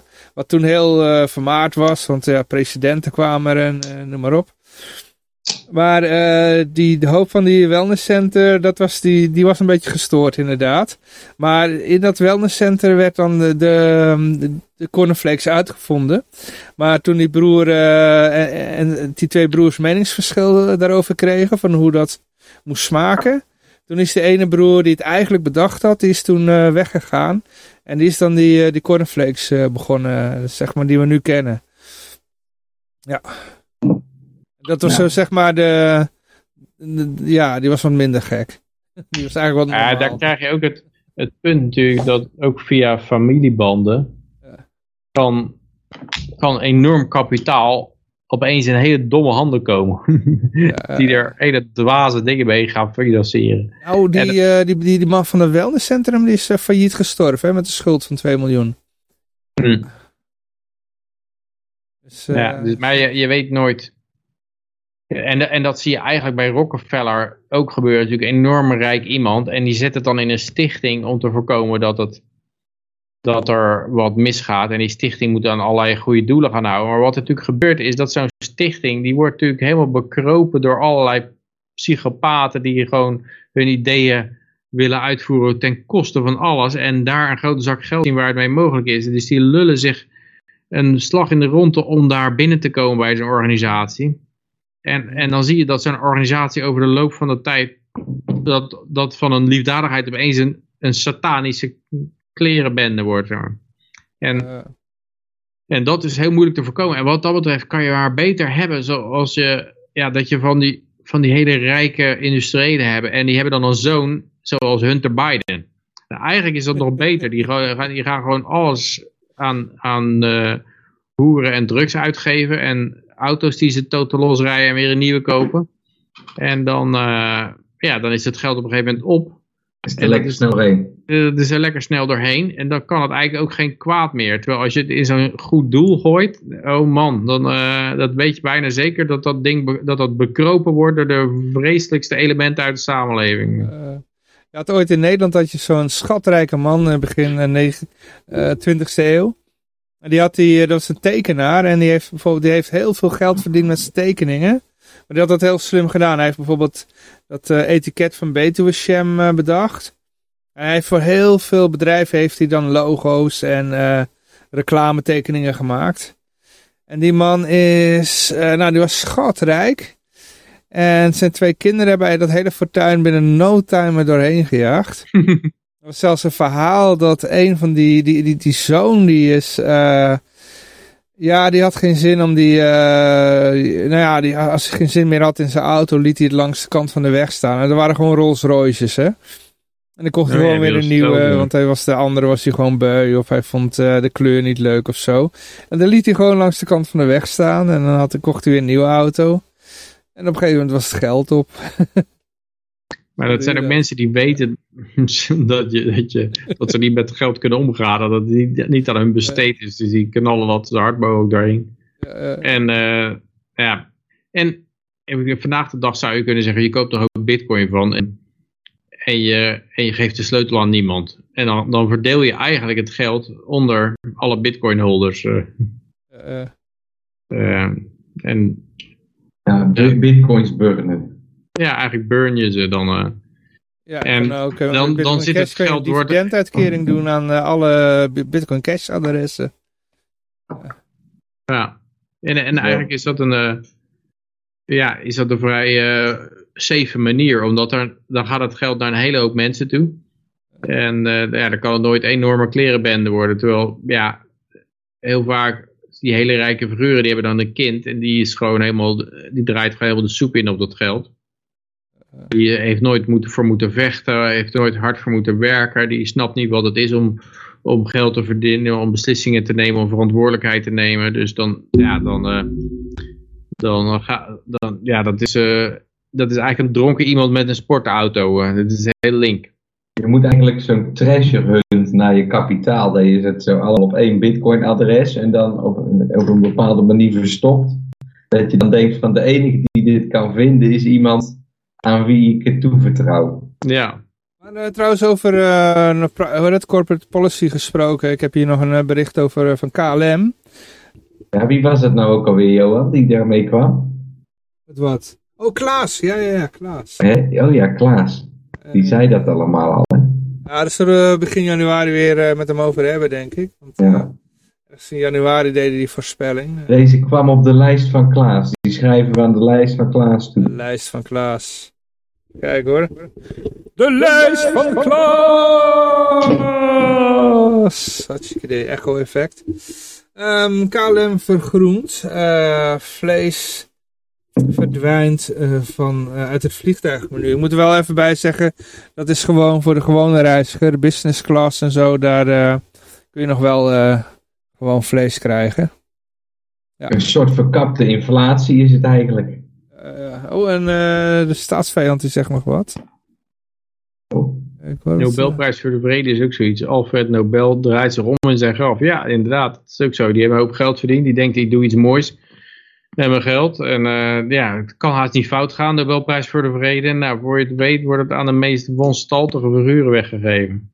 Ja, het, het tegenwoordig, het ligt er ook aan welke Nobelprijs je wint. Want als je in 2015 de Nobelprijs voor de geneeskunde wint, Hm. dan wordt het tegenwoordig naar je eh, Paardenontwormer. als Paardenontwormer.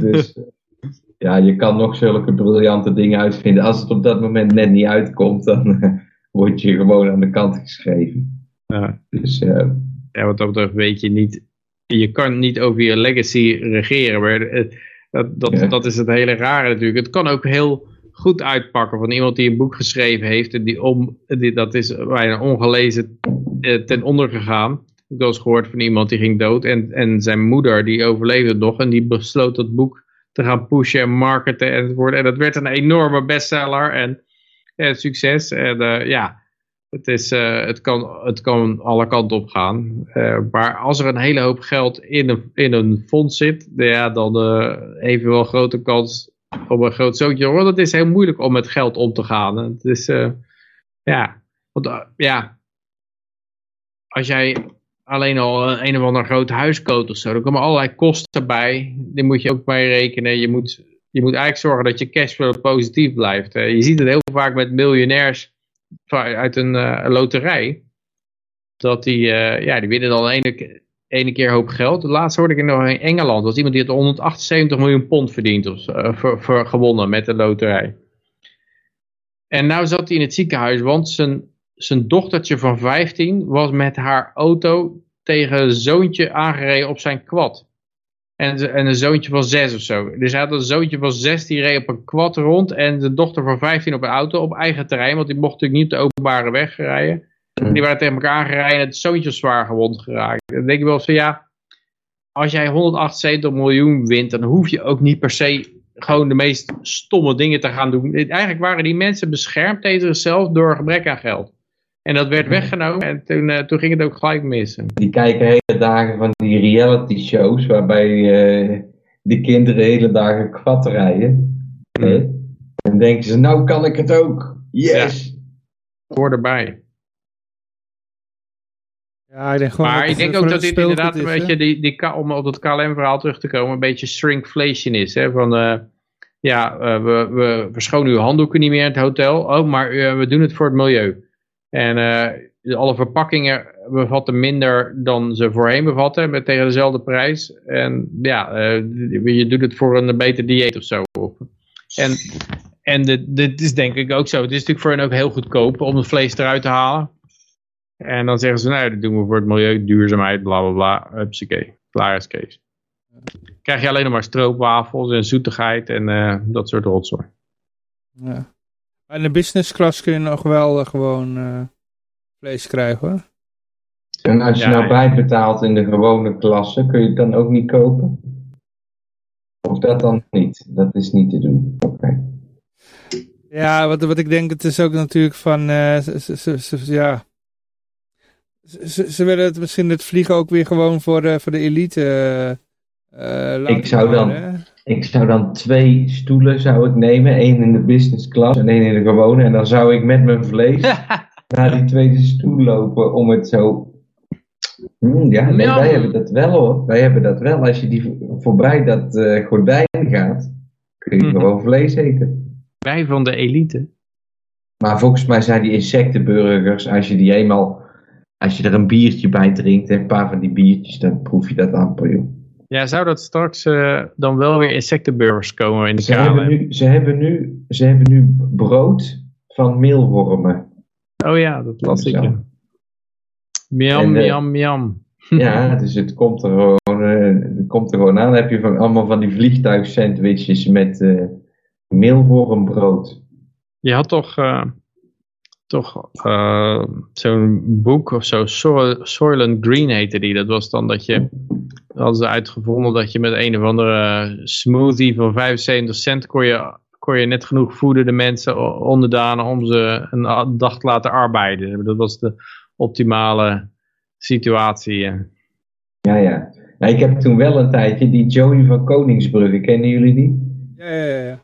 Nee. Die, die heeft mij een tijdje, eh, dat is ook een libertariër die heeft, die heeft het, eh, de, het poedervoedsel, hoe heet dat nou? Ja, het was eerst Joyland, maar eh nu, Joyland, heet het, Joyland. nu heet het anders. Nee, wel, Zo, wat Joyland. Die heeft mij nog een tijdje gesponsord met dat Joyland en daar heb ik nog eh, maanden op geleefd in Wonderland. Eh, eh, Joey, Joey bedankt nog. Dat was een ja, goed... mocht eh, je kijken, bedankt. Peter, als je niet te veel, niet te veel eh, activiteiten verricht, dan is dat prima vol te houden.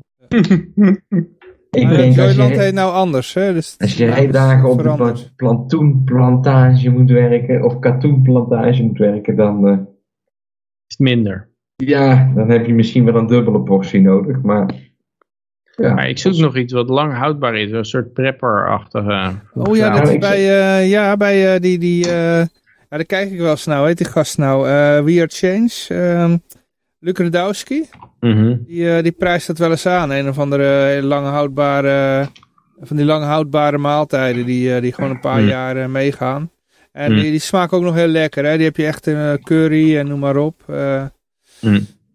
ja. Ik vraag me trouwens af of bij de KLM eh, d- doen ze nog wel steeds wijn schenken. Zeg maar. dat, eh, ze zijn... Dat zal er ook wel uitgaan, hè? Hier, ik heb er voor jou, ik weet niet hoe lang het houdbaar is, Peter, maar ik denk dat je er ook nog wel een tijdje overheen kan gaan hoor, met die houdbaarheidsdatum. ja, Eh, in geval van nood. Ja, Ja, maar ik had een berg van die noedelsoep gekocht aan het begin van de coronacrisis. Zo'n doos. Maar die, die zijn eigenlijk maar een jaar houdbaar. eh. Ik heb er nog steeds van. Ja ik, ik word die noedelsoepjes, die ben ik zo beu. Oh, heel vaak is die, die houdbaarheidsdatum moet je ook met een korrel zout nemen, hoor. Ja, Dus, eh, dat geloof ik ook wel, ja.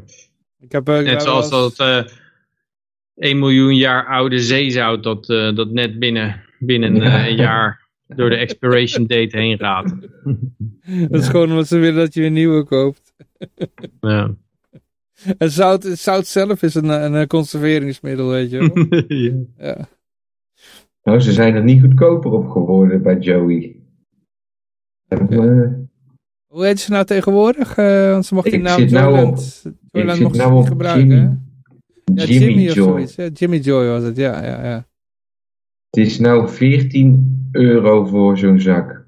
Oké, maar hoeveel zit erin? Hoeveel gram? Ja, als het nog steeds hetzelfde is. eh 10, 10 van die zakken.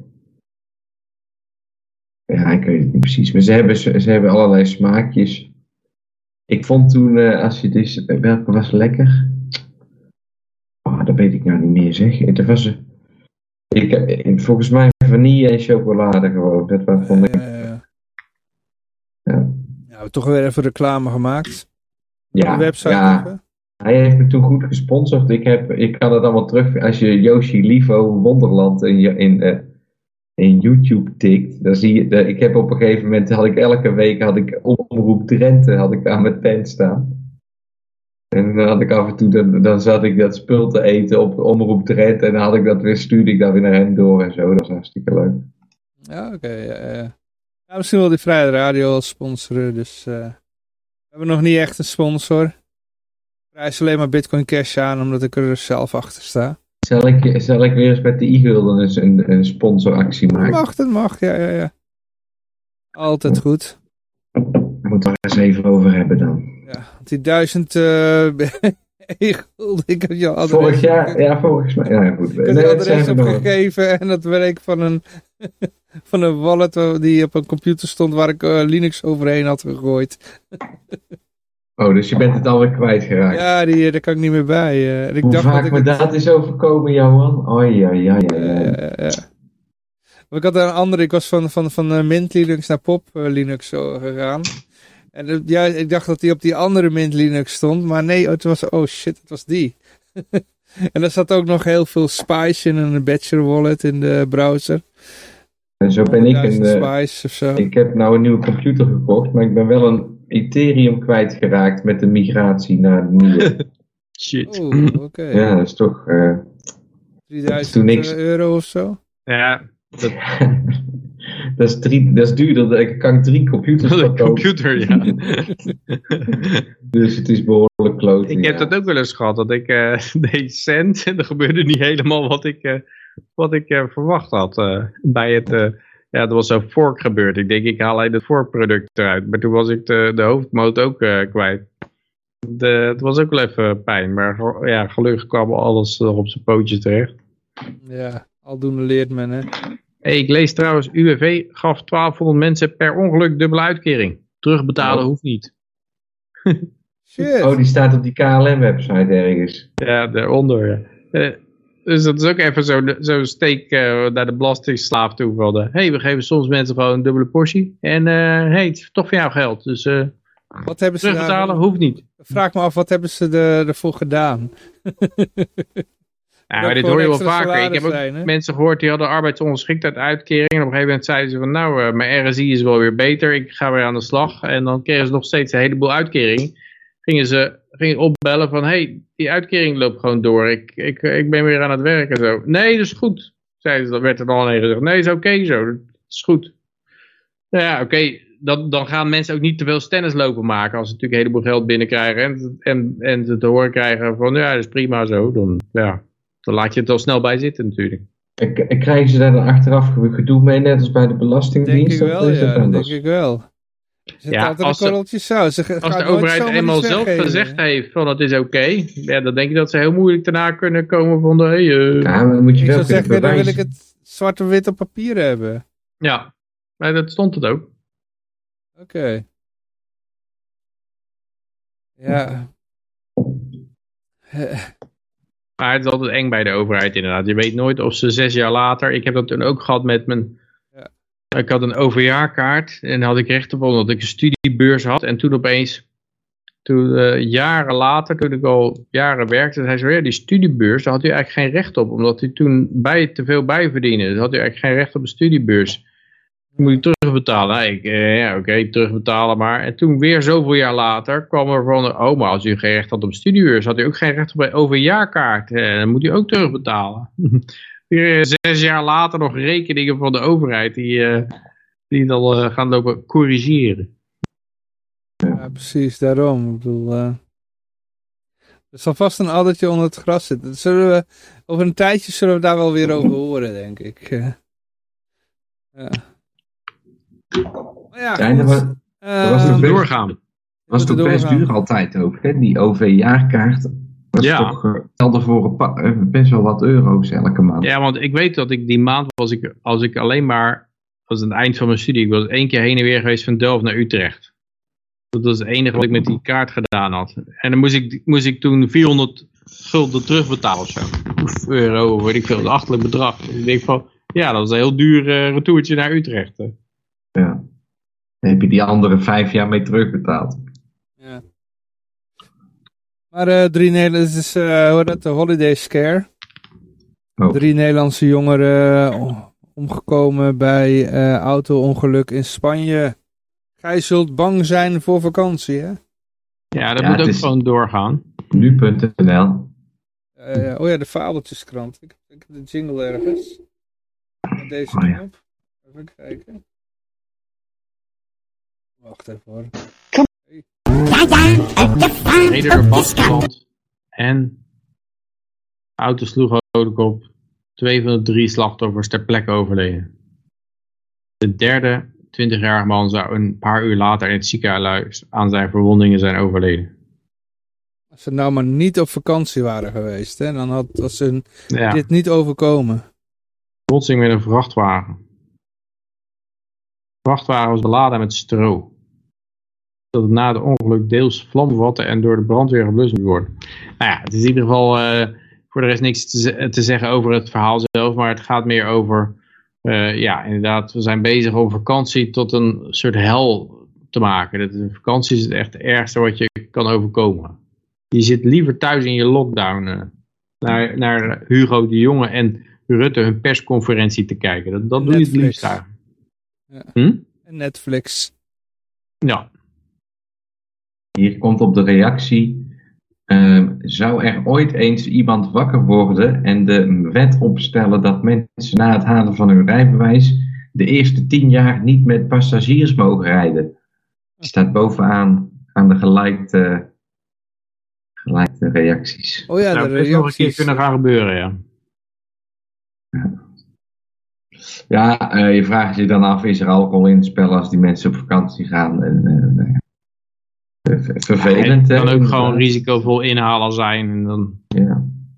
Je kent de weg daar niet. Dat is een beetje het probleem met jonge mensen. Dat, uh, ja, ze denken natuurlijk altijd, het zal mij nooit overkomen. Ik, ik, ook was, eh, dit is nou vorig jaar januari of zo, waren we in Chili, eh, een beetje door de, zeg maar, de woestijnweg, zo'n tweebaansweg. Rijden daar zo overheen, overal wrakken langs de kant van de weg met kruisen erbij en zo. En het is ook zo'n weg dat je denkt van, eh, ja, kan ik, hem nou- kan ik hier nou voorbij of niet? Ja, er komt wat aan in het, maar hoe hard gaat dat wat er aan de andere kant eh, komt? Eh, en dat is altijd, altijd een lastig, lastig puntje. En dat, ging gewoon heel vaak mis. Eh, dan, eh, dan hadden ze ook zo'n graf met iemand zijn- favoriete auto erbij. Gewoon, dat was dan zijn grafmonument. Ik Auto weet nog wel zo dat wij, ik ging toen op een vakantie naar Renesse. En dan had ik zo'n Volkswagen Golfje. En eh, nam, ik die, nam ik die rotondes, ging ik altijd gewoon recht overheen. dan ging ik gewoon hoppakee. Dus zo, s ochtends als de zon nog net, net op was gekomen zo.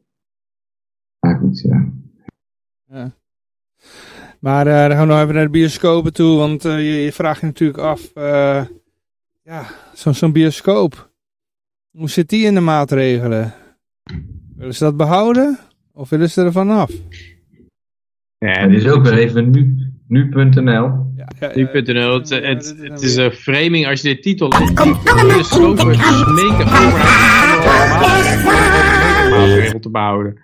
En dan denk je ook van, nou, dat geloof ik niet. Ik geloof niet dat, dat ze dit, eh, dat ze daarom smeken. Maar de truc is dat het dan is, eh, van, ja, want anders moeten mensen getest worden met PCR-testen, de, de hele shit, als ze naar de bioscoop willen. En dat willen ze natuurlijk helemaal niet, die bioscopen. Dus oh ja, dan alsjeblieft die anderhalve meter maatregel. Dus dat is eigenlijk een beetje van, wil je, wil je anaal verkracht worden of, eh, of eh, vaginaal of zo? En dan, dan, ja, dan maar vaginaal of zo. Want, en dan zo, mensen Oh, denk- smeken om vaginaal verkracht te worden. Ik denk ook dat eh, eh, als ze die anderhalve meter in, in, in werking hebben, dat ze recht hebben op een schadevergoeding daarvan. En dan verkopen ze dus één op de drie stoelen sowieso. Of misschien wel voor elke stoel die ze verkopen, verkopen ze er eigenlijk zes. Nou, Oké, en dat hebben ze niet al- meer misschien als, eh, als er een test eh, geldt. Ik denk dat heel veel mensen inderdaad niet met test shit eh, naar de bioscoop toe gaan. Nee, dat, eh, Nee, misschien ook niet met hoe dat het nu al gaat met die anderhalve meter. Maar dan kunnen ze zeggen, ja overheid, we houden anderhalve meter afstand. Maar dat betekent dat voor iedere gast die we hebben, moeten we acht stoelen vrij houden eromheen. Dus wij hebben maar een capaciteit van eh 1 negende, 11 procent. En we willen dan de rest van jullie. eh. Ja, zou kunnen. Ja, Ik denk dat je met een bioscoop heel makkelijk een berekening kan maken van hoeveel omzet je daardoor verliest. ja. Dan hebben ze gewoon gegarandeerd eh, omzet. Ja, eh, belasting. Ja, ik weet in ieder geval, het is, het Ik is natuurlijk een beetje raar om als, je, als jij zo'n organisatie stelt voor twee vreselijke dingen. Ja. Is ze smeken dan om die ene, de, of, of zeggen van nou dan maar liever dit. Dat je dan zegt, nou ze smeken erom. Ze vinden het zo, ze het zo geweldig, die anderhalve maatregel willen ze gewoon dolgraag hebben. Die willen ze zo graag, willen ze dat. Nee, Nee. daarom, Peter, nu.nl, dit is gewoon een fabeltjeskrant. Het is gewoon Ja, echt dat- absurd, absurde realiteit van vandaag. Maar goed te En- weten hoe dat geframed wordt, hoe ze dat soort dingen Ja. doen. Ze hebben gewoon- het, het, is, het, Het is- de false dichotomy eigenlijk. Hè? Van, eh, ja, wil je dit of dat? En allebei twee slechte opties. En dan, eh, oh ja, en dan neem je er maar eentje van, eh, nou, dan, dan maar dit. Ah, smeken erom. Ja, ja het is... Wie gelooft het, hè? Maar ja, het toch, eh, wie gelooft het, zeg ik dan. Misschien staat er wel een teller onderin, hoe vaak het bekeken is. 186 reacties, dat is dubbel zoveel als het vorige bericht. Maar dat ging ook over, dat was ook niet zo'n leuk bericht, hè, met, het, eh, met die holiday scare. Nee, ja, ik zat ook te kijken of er iets, iets interessants wordt gezegd in de reacties. Van, ik wil ook graag anderhalve meter afstand in de bioscoop. Ja, maar eigenlijk, het is dus, je moet niet op vakantie gaan, maar je moet ook niet naar de bioscoop gaan. Dat is echt, het blijft er bijna niks over. Je moet gewoon thuis blijven zitten. Dat is ook heel goed voor de kijken. CO2-klimaatcrisis. Is anderhalve meter in een, eh, in Ja, een cirkel. televisie kijken. Je hebt eh, Politiek 24, daar kun je de hele dag terecht. Is dat die anderhalve meter in de bioscoop in een cirkel? Dus dat er ook voor jou geen mensen zitten? Want dat is Ja. wel prettig natuurlijk, hè? Ja, ik denk dat het wel in de. uiteindelijk in de kaartjesprijs verwerkt wordt dat je geen mensen voor je hebt. Ja, eh, ja, of een subsidie natuurlijk. Dan wordt het waarschijnlijk in je belasting verwerkt, hoe je Ja, inflatie. natuurlijk, natuurlijk. Maar eh, ja, ze smijten toch gewoon met geld. Als mensen met een uitkering en een dubbele uitkering eh, per ongeluk Ja, overgemaakte maakt allemaal uitkering niet mogen, eh, houden, ja, dan maakt het toch allemaal niet uit. En hoe meer ze bij uitprinten, hoe hoger die bitcoin wordt, hè. Ja. Dus hoe linksom, rechtsom, ja, eh, het wordt, ik word er alleen maar beter van. Ik huur de hele bioscoop af. Eh, eh, maar werkgevers eh, willen, oh ja, dit, ja, ja, hero, hero, hero. Dit is, eh, werkgevers willen eh, vaccinatiebewijs van personeel kunnen checken. Ja, dat zeggen de werkgevers niet, dat, eh, dat zegt de belangenorganisatie, hè? Wat, Ja. dacht je, wat dacht je vandaag, Johan? We hebben nog niet genoeg berichten. Ik gooi er een paar in. Eh Het is wel een ILO, interessant, NCW en MKB Nederland. het is wel een interessant topic, maar dan komt het volgende punt. Want als jij gevaccineerd bent, wat geen vaccin is, dat blijf ik maar even herhalen. Het is geen vaccin, beste mensen. Het is geen vaccin. Volgens Ook de al ne- noemt- nieuwe definitie wel. Ja, dat is allemaal leuk en aardig, maar het is al. Eh, de, eh, eh, als je die prik genomen hebt, kun je dus nog steeds mensen ziek maken. Dus gaat het er nu om? Want ik heb, ik heb hier dan wel een filmpje over gezien. Er was een mevrouw die daar wat over te vertellen had, die dat redelijk goed probeerde. Maar toen dacht ik bij mezelf, waarom zeg je nou niet gewoon dat een vaccin helemaal, wat dus geen vaccin is, dat die prik geen garantie is voor het niet door kunnen geven of het niet ziek kunnen zijn van dat virus. Het niet kunnen bijdragen van dat bijhebben van dat virus. Dus wat zegt dan dat vaccin? Nee, dat prikbewijs. Helemaal Dat niks. je een eh, gehoorzame onderdaan bent, dat zegt het.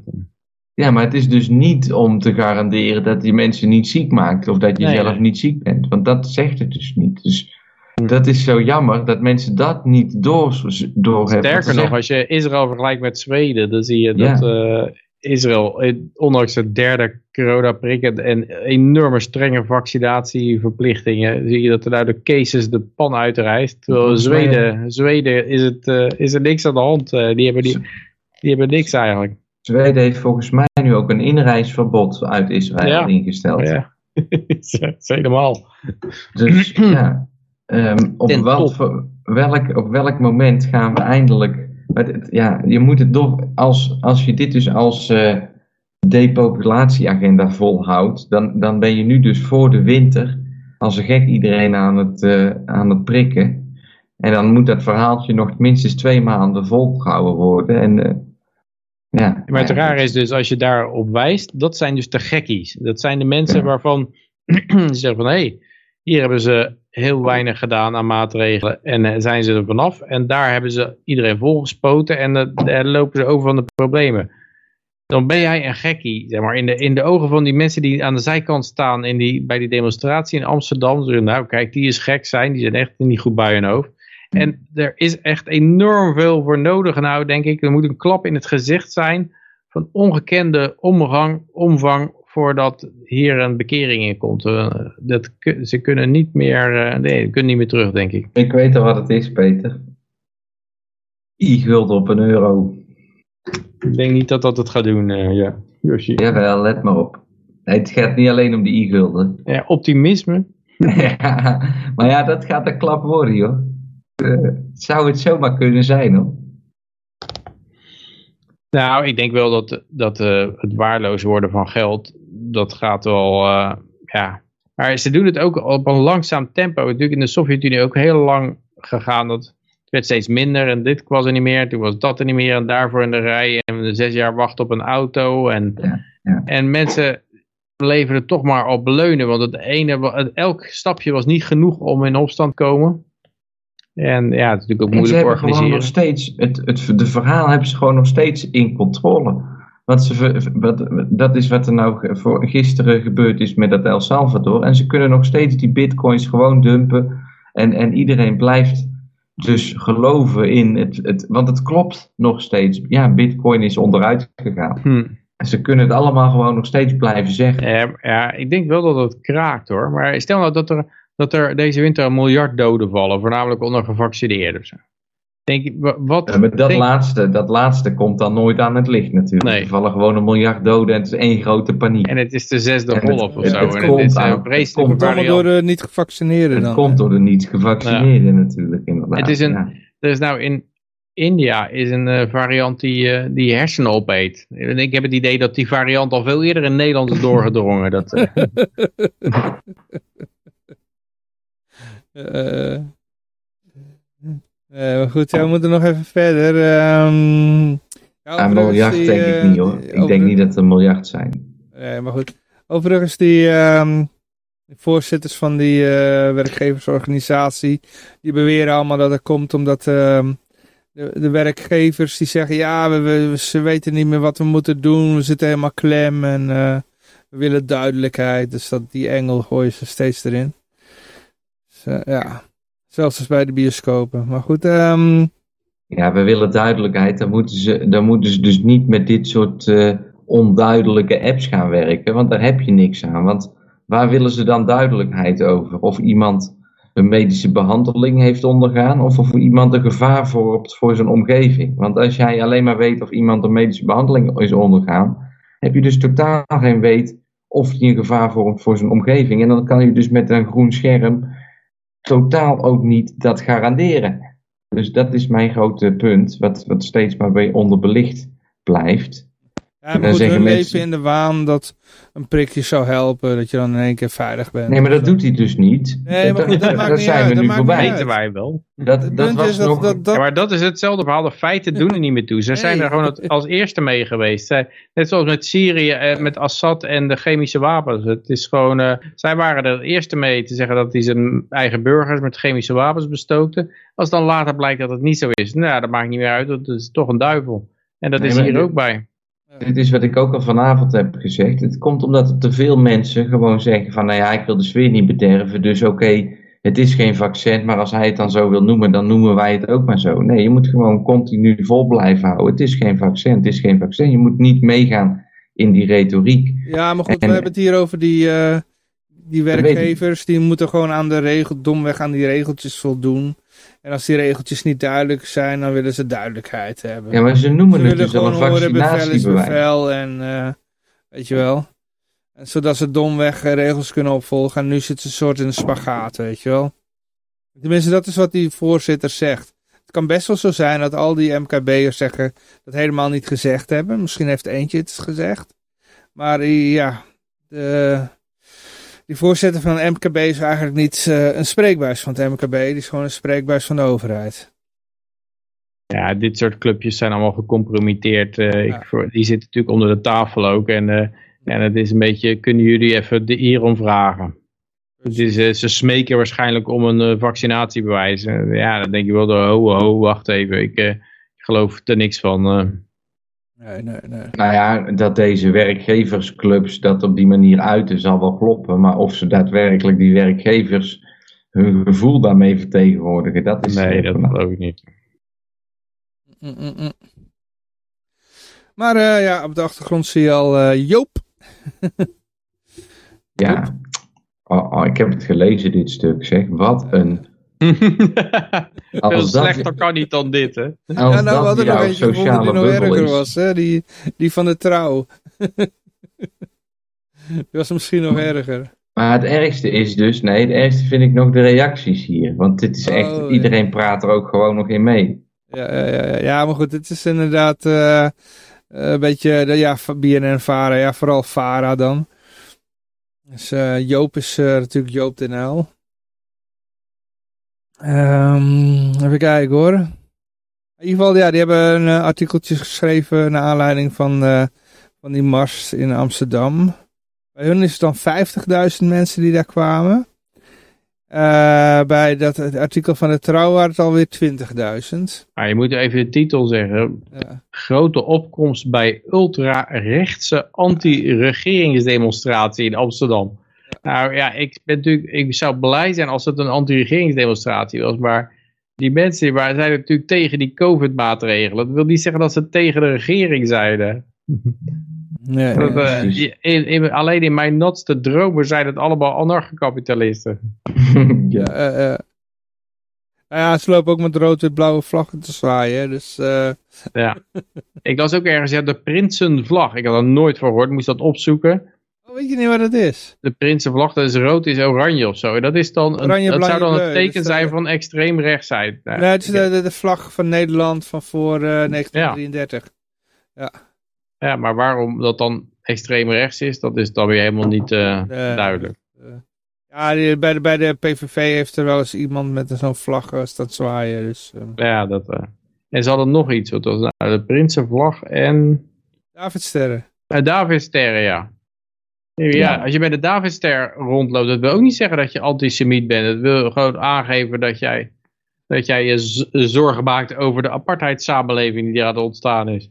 Ik heb een Davidster op mijn Facebookpagina, of op mijn Facebookprofiel heb ik een Davidster ingesteld. En je wil niet weten wat voor een bagger er over je heen komt als jij gewoon een reactie geeft op, een, op iets. En dan zeggen ze, beginnen ze dus over jouw Davidster. Hoe dat ik geen reactie kan geven omdat ik een Davidster heb. En dan zeg ik, en, en nou is, komt er dus over twaalf dagen een apartheid in Nederland op basis van een groen of een rood scherm in een app. En, en dan heeft dus de hele tijd die basis, eh, die, die Davidster met recht op mijn Facebookpagina gestaan. Want dat is wat ik zag gebeuren en waar ik me inderdaad zorgen over maak. Wat ik wil duidelijk maken via die ster. Nou, en met, ja, de mensen die- gaan er zo los op en ik weet niet wat hun verteld is dat ze daar zo eh, slecht tegen kunnen. De, beste is- manier om de Tweede Wereldoorlog te herinneren is om, om, het, eh, om het niks, met niks te vergelijken. Om, om het nooit meer, om er nog een keer vol in te gaan. Zeg maar. En, en iedereen mei. af te blaffen die zegt van, hé hey jongens, waar zijn we nou mee bezig? Dat lijkt wel heel erg op de vorige keer. Ja, je mag alleen het herdenken met één minuut stilte op 5 mei. En verder mag je er niet over hebben. Ja.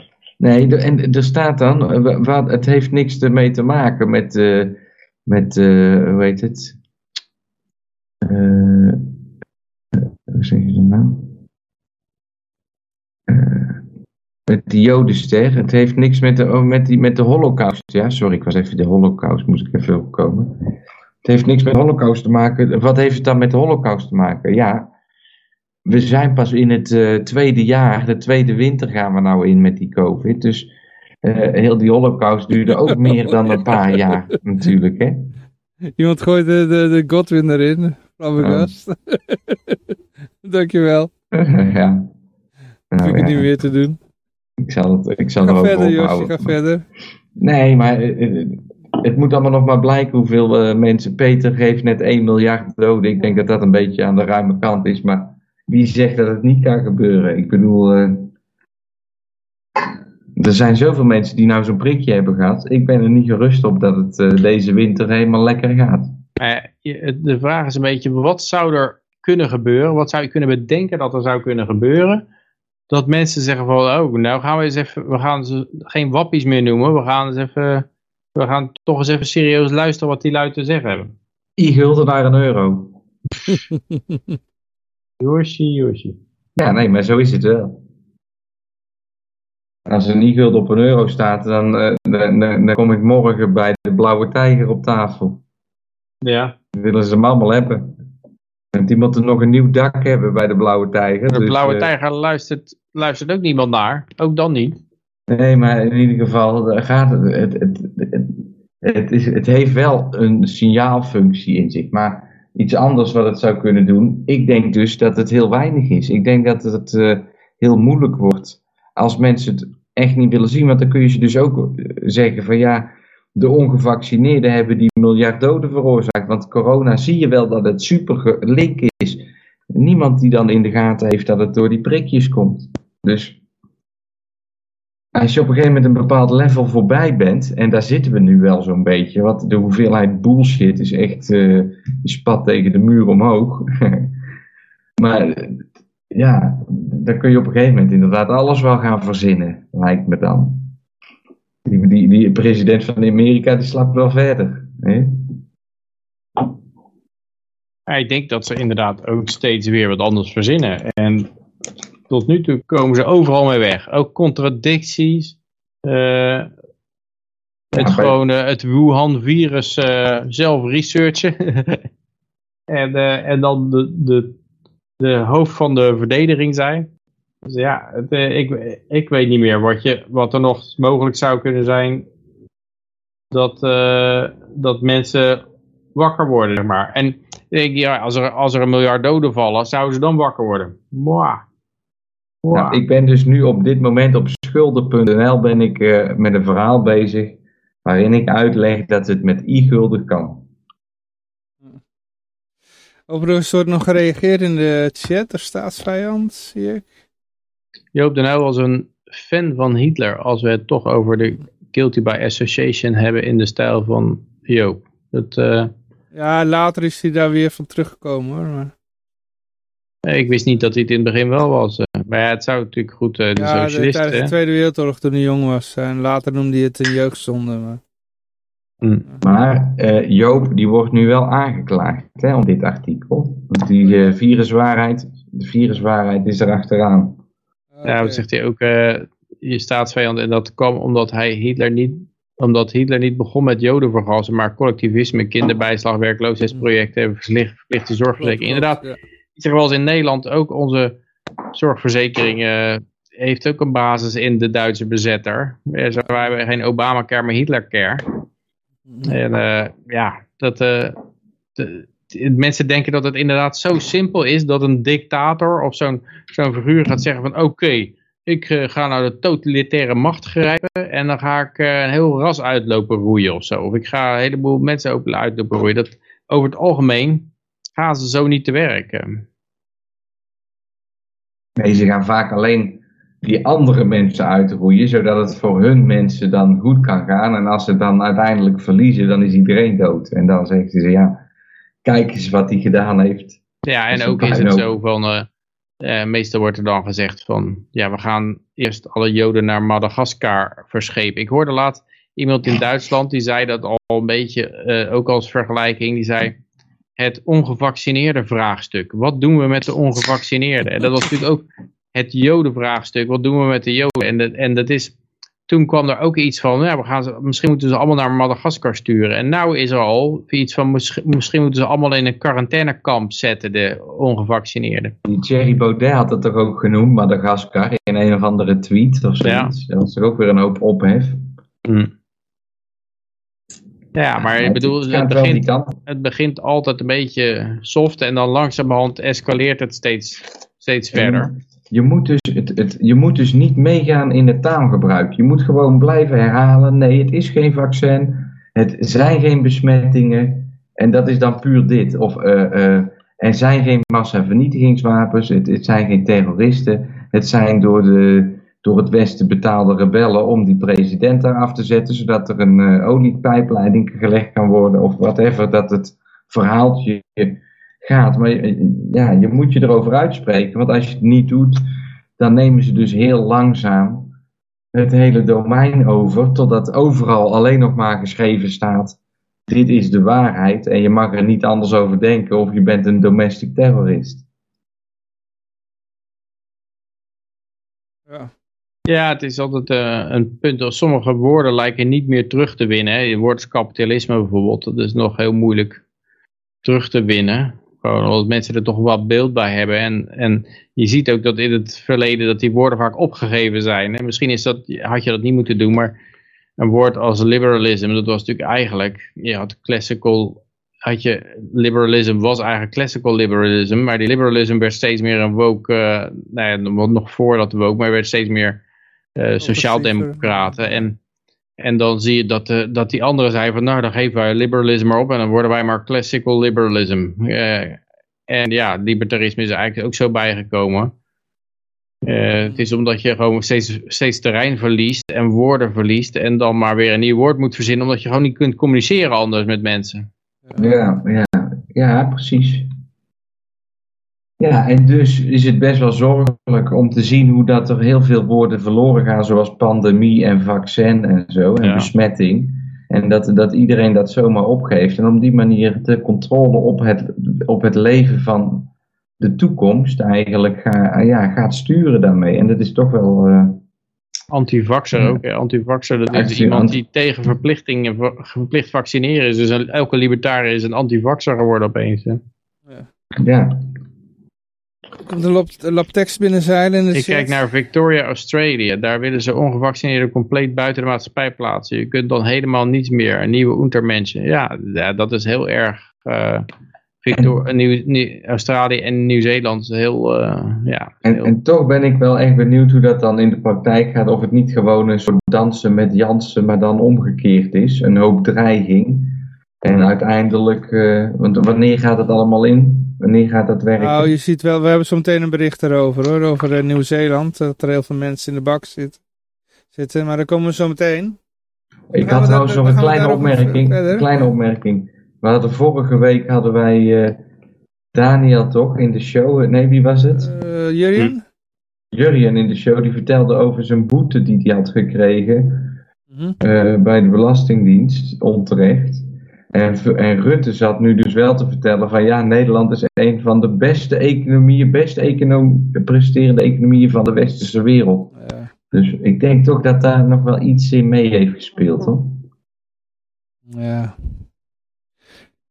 Als- hij dat zegt, dan moet je tegenovergestelde denken. Dan zijn we eigenlijk een van de slechtst presterende. Nee, maar hij- ze hebben dus die cijfers opgekoopt door iedereen zo'n boete te geven, hebben ze gedaan alsof dat er heel ja, veel gebeurt. Prinsjesdag, ja.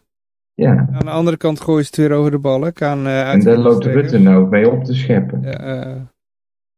Maar eh, we gaan even naar eh, Joe Rogan toe. eh, podcaster Joe Rogan, die, eh, ja, die, is, die, die had corona en die is eh, heel snel weer beter geworden. Hij heeft daar een, eh, een Instagram post over gedaan. Dus je zou zeggen, nou iedereen blij.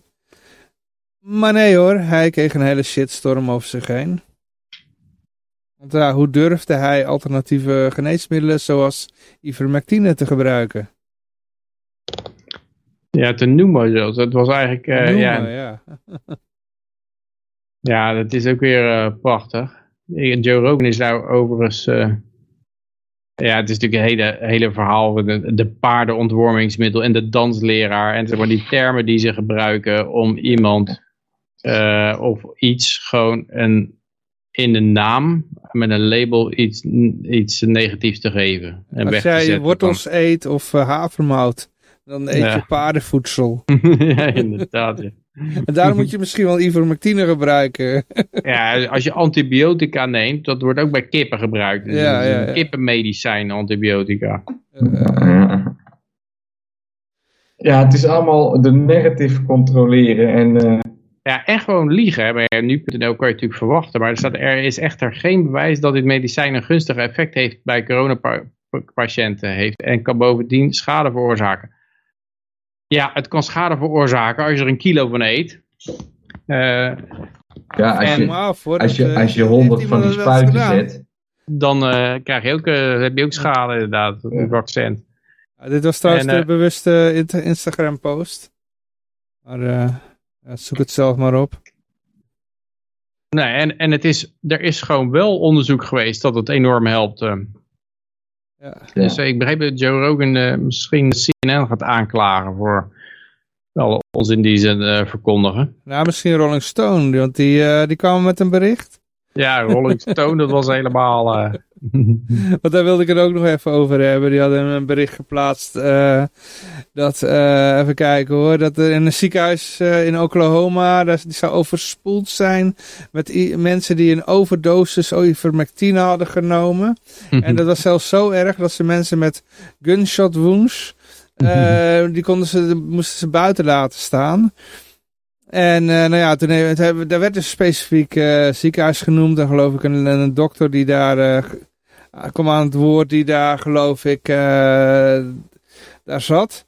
En toen is het desbetreffende ziekenhuis is dus naar buiten gekomen met een verklaring dat ze helemaal geen mensen met een overdosis ivermectine hebben gehad. Nog nooit. En dat ze altijd mensen die daartoe kwamen, ook mensen met gunshot wounds, hebben ze altijd kunnen behandelen. Niemand hoeft er buiten te staan. En ze kennen die hele dokter niet. nou, die dokter had al twee maanden niet meer gewerkt voor ze. Oh, sorry, dat, dat was, ja, sorry. Oh, dan doe ik fake news. Dat was het. Maar, de, Maar het is ehm, inderdaad, eh, en Glenn Greenwald zegt hier ook over, the only reason Rolling Stone is calling this an update, as opposed to what it plainly is a retraction, is because liberal outlets know that their readers don't care at all if they publish fake news, as long as it's done with the right political motives and goals. En dat is inderdaad zo. Ja, je noemt het gewoon op paarden, want eh, eh, Joe Rogan die zegt ook van ja, maar ze moeten toch wel weten dat het geen paardenontwormmiddel is. eh, dat het in 2015 de Nobelprijs heeft gewonnen voor medicijnen, voor menselijke toepassingen. Eh, ja, dat, dat weten ze misschien wel, maar dat maakt ze niet uit. Ze, liegen is geoorloofd bij deze media als het maar met de juiste intenties is. Dit is gewoon, het het is- is, gewoon het is keiharde geen- manipulatie. Maar het is geen leugen, dat is het ding. Het is geen leugen. Er staat gewoon dat het ook voor eh, gebruikt wordt om, om paarden te ontwormen. Nou ja, oké. En, en daar hebben mensen dan kennelijk een negatief gevoel bij. Voornamelijk als je het op zo'n manier erin zet dat iedereen zegt, oh paardenontwormer. Nou, Ja, maar dit was, paardenontwormer. dit was nou duidelijk een leugen. Want er waren, volgens dat ziekenhuis gaf het gewoon aan van... Nee, er, is, er, er Ja, zijn geen ja. overdosissen en er zijn geen eh, patiënten geweigerd vanwege eh, de o- overdosis eh, of eh, gunshot wo- wounds eh, figuren. En ja, dat, dat nemen ze nog niet terug als een, een retraction, maar een, een update. Dat het eh, niet helemaal klopt of zo. En dat heb ik wel vaker gezien. Dat ze, dat ze gewoon, eh, wat was het nou laatst ook eentje, dan werd het gewoon veranderd in out of context. Dus dat was ook, was ook een enorm bullshit verhaal. En eh, oh ja, over Biden die op zijn horloge keek tijdens de begrafenis. Er kwam gelijk iemand overheen van, ik weet niet meer welke, MSNBC geloof ik. Ja, hij keek helemaal niet op zijn horloge tijdens de begrafenis van die soldaten van eh, die bomaanslag. En toen haalden ze videobeelden erbij. Ja, dat deed hij duidelijk, duidelijk wel. Toen veranderden ze het van eh false naar out of context. Niet naar van het is true, want hij keek gewoon op zijn horloge tijdens, de, eh, tijdens elk like dat voorbij kwam. Nee, hij, eh, ze, naar, het werd veranderd van false naar out of context. En dat is gewoon, eh, ja, die, die fact-checkers, dat is werkelijk... eh, It doesn't matter whether uh, Joe Biden was looking at his watch or not, because his spirit was present in the moment. Ik zou nog best zo'n goede factchecker kunnen horen hoor. Ik kan er hele verhalen omheen schrijven. eh, Alleen dat je het dan precies andersom factcheckt. Dat je alle die factcheckers tegen gaat. Nee, ja, nee. Nee, dat kan niet, want daar krijg je geen geld voor. Ja, je ziet ook dat alle factchecks altijd maar één kant op werken. hè. Als je zo'n verhaal plaatst, dan komt er nooit een Facebook factcheck onder. Van, hé, er klopt niks van. Nou, nou had ik laatst nog iets van... ehm, ja, er kwam met Charles Hutchinson nog mee, want die, die, die, die post al een paar keer eh, boze filmpjes over eh, mensen die zijn eh, afbeelding eh, gebruiken bij, eh, bij scams, weet je wel. Hij kreeg dan steeds die e-mails van, eh, ja, je had toch, eh, hoe heet dat, een ehm, beloning beloofd als wij eh, dit en dat zouden doen. En ja, dan kan u wel zeggen, jullie zijn een scam getrapt, want ik heb dat nooit gezegd en wij geven nooit geld weg. Maar goed, in ieder geval, hij, hij had toen een oproep gedaan aan YouTube en Facebook en noem maar op. Van jongens, jullie pakken, zijn heel goed in mensen aanpakken. Als ze, als ze, maar het woord ivermectine noemen of eh, corona, dan zijn jullie er als de kippen bij om dat aan te pakken. Ehm die zijn ook heel goed in eh, mensen die eh, de, mond snoeren, omdat ze voor Trump zijn. Kunnen jullie niks aan al die scammers doen op Facebook en YouTube en, en noem dat Twitter? En dan had hij dan gewoon een reactie gekregen van ja, nee, nee, dat kunnen we niet. Dat is tegen onze policy in. Nou, het punt is dat die, eh, adverte- eh, en dat die, dat die mensen kopen advertenties in op YouTube. Ja, En die, die spelen dan een, een livestream af die de Cardano Foundation zelf ja ze doen Online met al heeft die gezet. andere, met al die andere coins en zo. en al die andere coins, zo de Ethereum Foundation doet hetzelfde, Ja. want die hebben een bijeenkomst en die filmen dat live en er is dan iemand captured die meeting en die koopt op YouTube koopt die eh, eh, advertentieruimte in en Yo- YouTube gaat dan gewoon in zijn algoritme bij iedereen dat videootje doen en dan spelen ze dat filmpje af met die meeting En op, daaroverheen projecteren ze een tekst en daar staat, eh, hallo ik ben Vitalik Buterin of, eh, en ik verdubbel al je Ethereum. Als je mij er één stuurt, dan stuur ik je tot twee terug. Ja. Nou, en dan zijn dat Zo dus ben jij die Ethereum kwijtgeraakt. Ja, ja en dat- proberen te verhullen. Eh, Nee, op die manier ben ik nooit geld kwijtgeraakt. Dat is me nou nooit overkomen. Maar ik, ik heb wel in de e-gulden hebben we het ook al een keer gehad. En er zijn dus mensen die sturen dan hun e-guldens daar naartoe. Maar ja, daar, daar wordt er niks aan gedaan. En dan eh, zijn er Nou. mensen die... eh, Ja. Hey, wat ook nog wel apart is, dat van ivermectine zijn natuurlijk een heleboel onderzoeken is er bekend. En het, is geloof ik, het is geloof ik niet met een controlled random test, dus het is niet een, echt een, eh, een heel professioneel onderzoek, maar dat is ook niet gedaan omdat daar niemand in geïnteresseerd is om dat te doen. Ik geloof zelfs dat de maker van ivermectine heeft neergezegd van ho ho, zo snel, het, bewijs, het is nog niet bewezen dat het werkt, omdat zij ook eh, duurdere shit verkopen. Dat, eh, eh, ja, de ivermectine doe heel goedkoop. Eh, en die ze, de, die ze waarschijnlijk liever slijten. mm, Ja. Maar het rare is dat er nou in Israël, de, de Jerusalem Times, die post een bericht van... eh, ja, we gaan nu de langetermijn, eh eh, langetermijn gezondheidseffecten van, eh, van eh, Pfizer-vaccins onderzoeken. Eh, dus er kwam ook een reactie van, oké, de hele bij de hele wereld is al ingeënt met dat spul. Nou gaan ze de langetermijn gevolgen daarvan onderzoeken. Dat is, eh, dat is ook wel lekker, want dat betekent dat als, als het onderzoek daarvan bekend is, dan betekent het dat, dat je gewoon, eh, dan ben je 30 jaar verder misschien of zo. Dan, dan, dan is echt iedereen al ingeënt. Dan de, de, de, de grootste diehards, die hebben het dan nog, eh, eh, die zijn, eh, die zijn die al allemaal in bezweken dan. Lieberland. Die zijn allemaal naar Lieberland verhuisd. ja. Dus, Ja. dus je, hebt, je hebt één medicijn dat, dat eh, ja, bewezen werkt. Daarvan, eh, ja, er wordt gezegd een paardenontwormiddel. En één medicijn waarvan ze een- het, het beginnen te geven. En dan pas na het inenten van miljarden mensen een langetermijn eh schadeonderzoek gevolg gaan doen. Ja, maar paardenontwormen klinkt wel veel viezer, eigenlijk. Als vaccin. Hm. En vooral als je dan van die mensen op, op de televisie vaccin. Vaccin. Ja, dan denk je, oh, ik ben wel. Ik, ben, ik, ben wel ik heb wel een privilege dat ik deze prik mag ontvangen. Overigens, eh, de developer of eh ivermectine eh, begins met, eh nou, ze komen met een, met een anti-covid pil. Ja, leuk. Ja niks ik geloof dat, eh, dat Pfizer er ook mee bezig is. Ze zijn allemaal met, eh, met pillen bezig ook. Dus dan willen ze, eh, die willen ook wel, en het, en wordt natuurlijk dan veel duurder, want ja. En dan moet je ook elke dag nemen, ja, die van Pfizer geloof ik. Moet je elke dag een pil Oh, nemen. Het is waarschijnlijk een stuk duurder, dan kunnen ze toch een beetje een verdienmodel overeind houden. voor al die mensen die bang zijn eh, voor naalden. Ja, maar niet voor elke dag een pil slikken met chemicaliën erin. Eh, we hadden nog eentje hier, oh, bloedtest in de VS. Daar blijkt uit dat er eigenlijk al massa-immuniteit of herd immunity eh, bereikt is. Iets wat ze natuurlijk al hele lange tijd geleden in Urk al hadden. Hè? Daar hadden wij al, al een bericht van, nou, het lijkt wel of zo'n Urk eh, al immuun zijn. hè. Maar nu zie je dat dus eh, me- meer dan 80% van de Amerikanen, 16 jaar en ouder, he- hebben immuniteit tegen het coronavirus. Uit een eh, bloedonderzoek. Ja, dus het is ook wel begrijpelijk natuurlijk dat, dit- dat, dat eh, als veel, eh, veel meer mensen immuniteit hebben dan gevaccineerd zijn. Omdat het, dat gaat normaal gewoon zo. Dat, eh, zo. Het verspreidt zich en mensen bouwen immuniteit op. En de lichtste varianten verspreiden zich het hardst, want dan worden mensen het minst ziek van, dus die blijven in beweging. En die, min, en die lichtste varianten, die, die krijg je dus eh, het wijd verspreid. En daar bouwen mensen immuniteit mee tegenop, die ook werkt tegen die zwaardere varianten.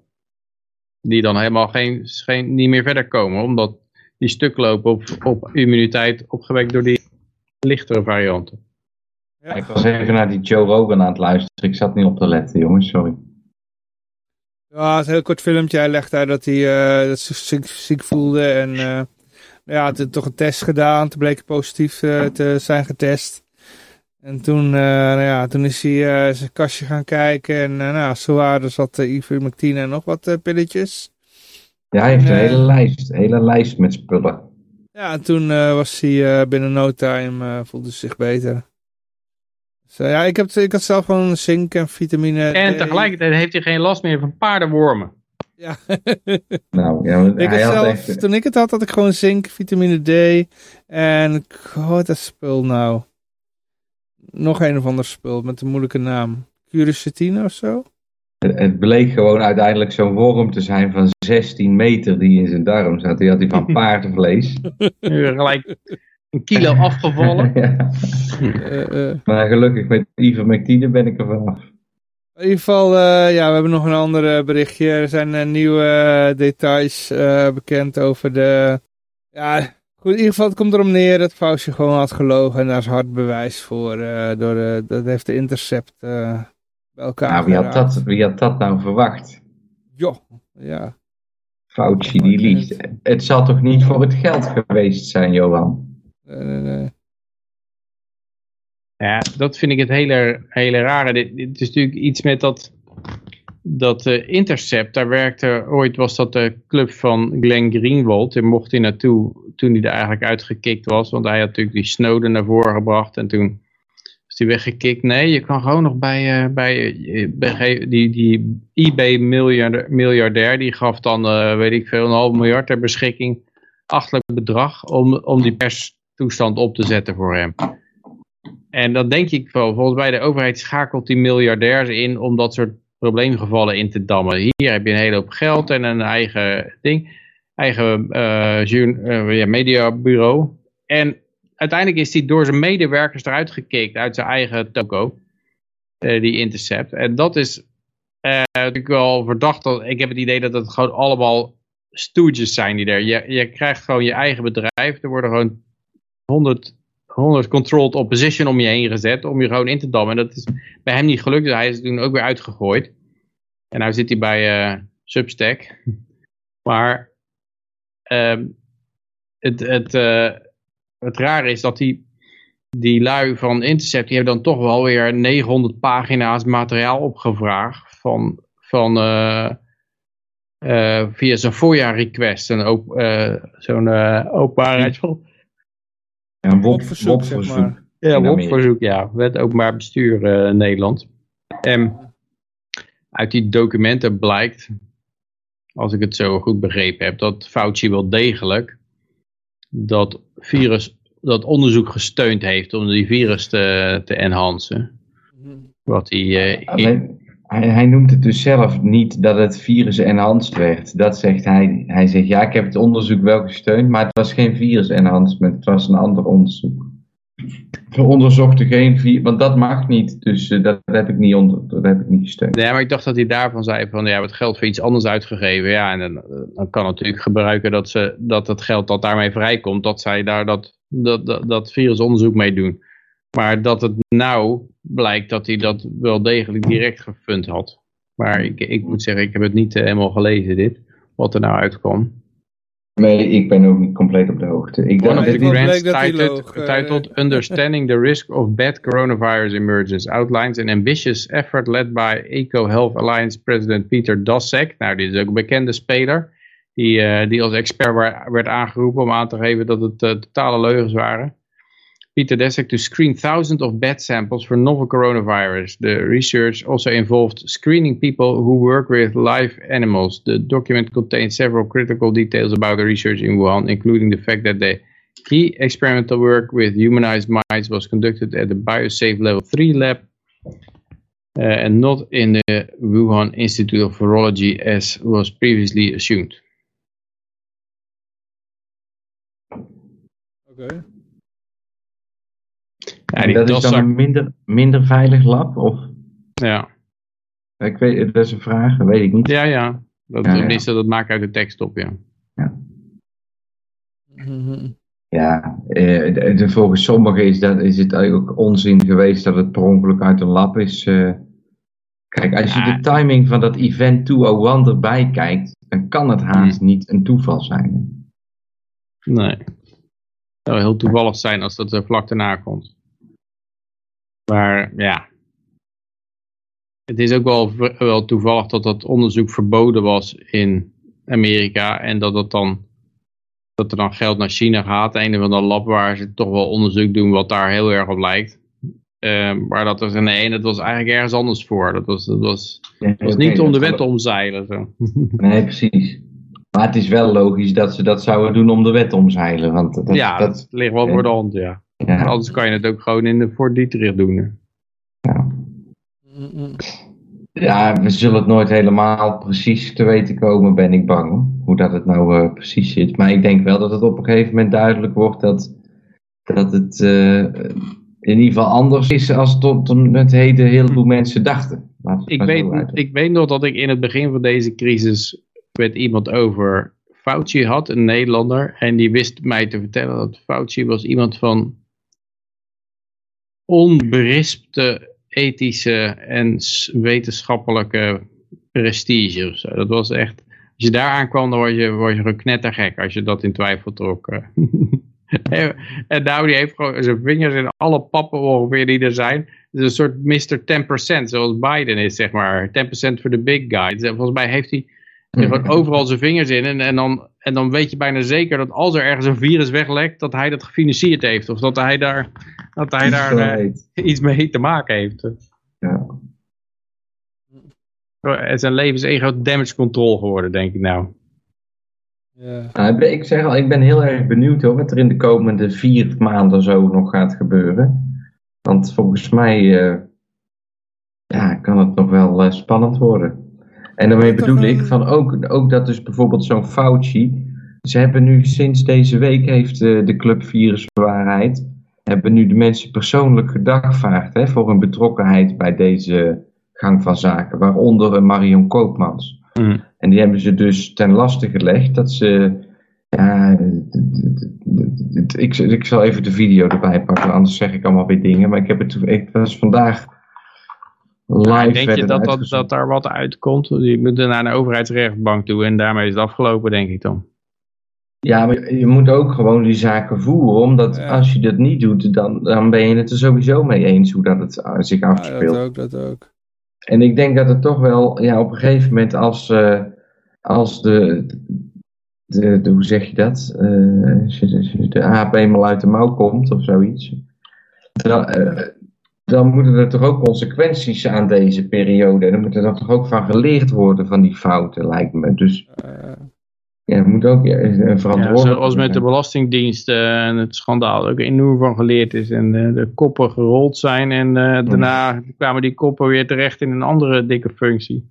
Ja, ja maar, maar, maar ook met, met dat hele belastinggebeuren. Ja, dat raakt ook iedereen en dat moet ook een keer worden opgelost. Maar nog steeds als dat zo'n belastingfraude, hoe heette dat nou?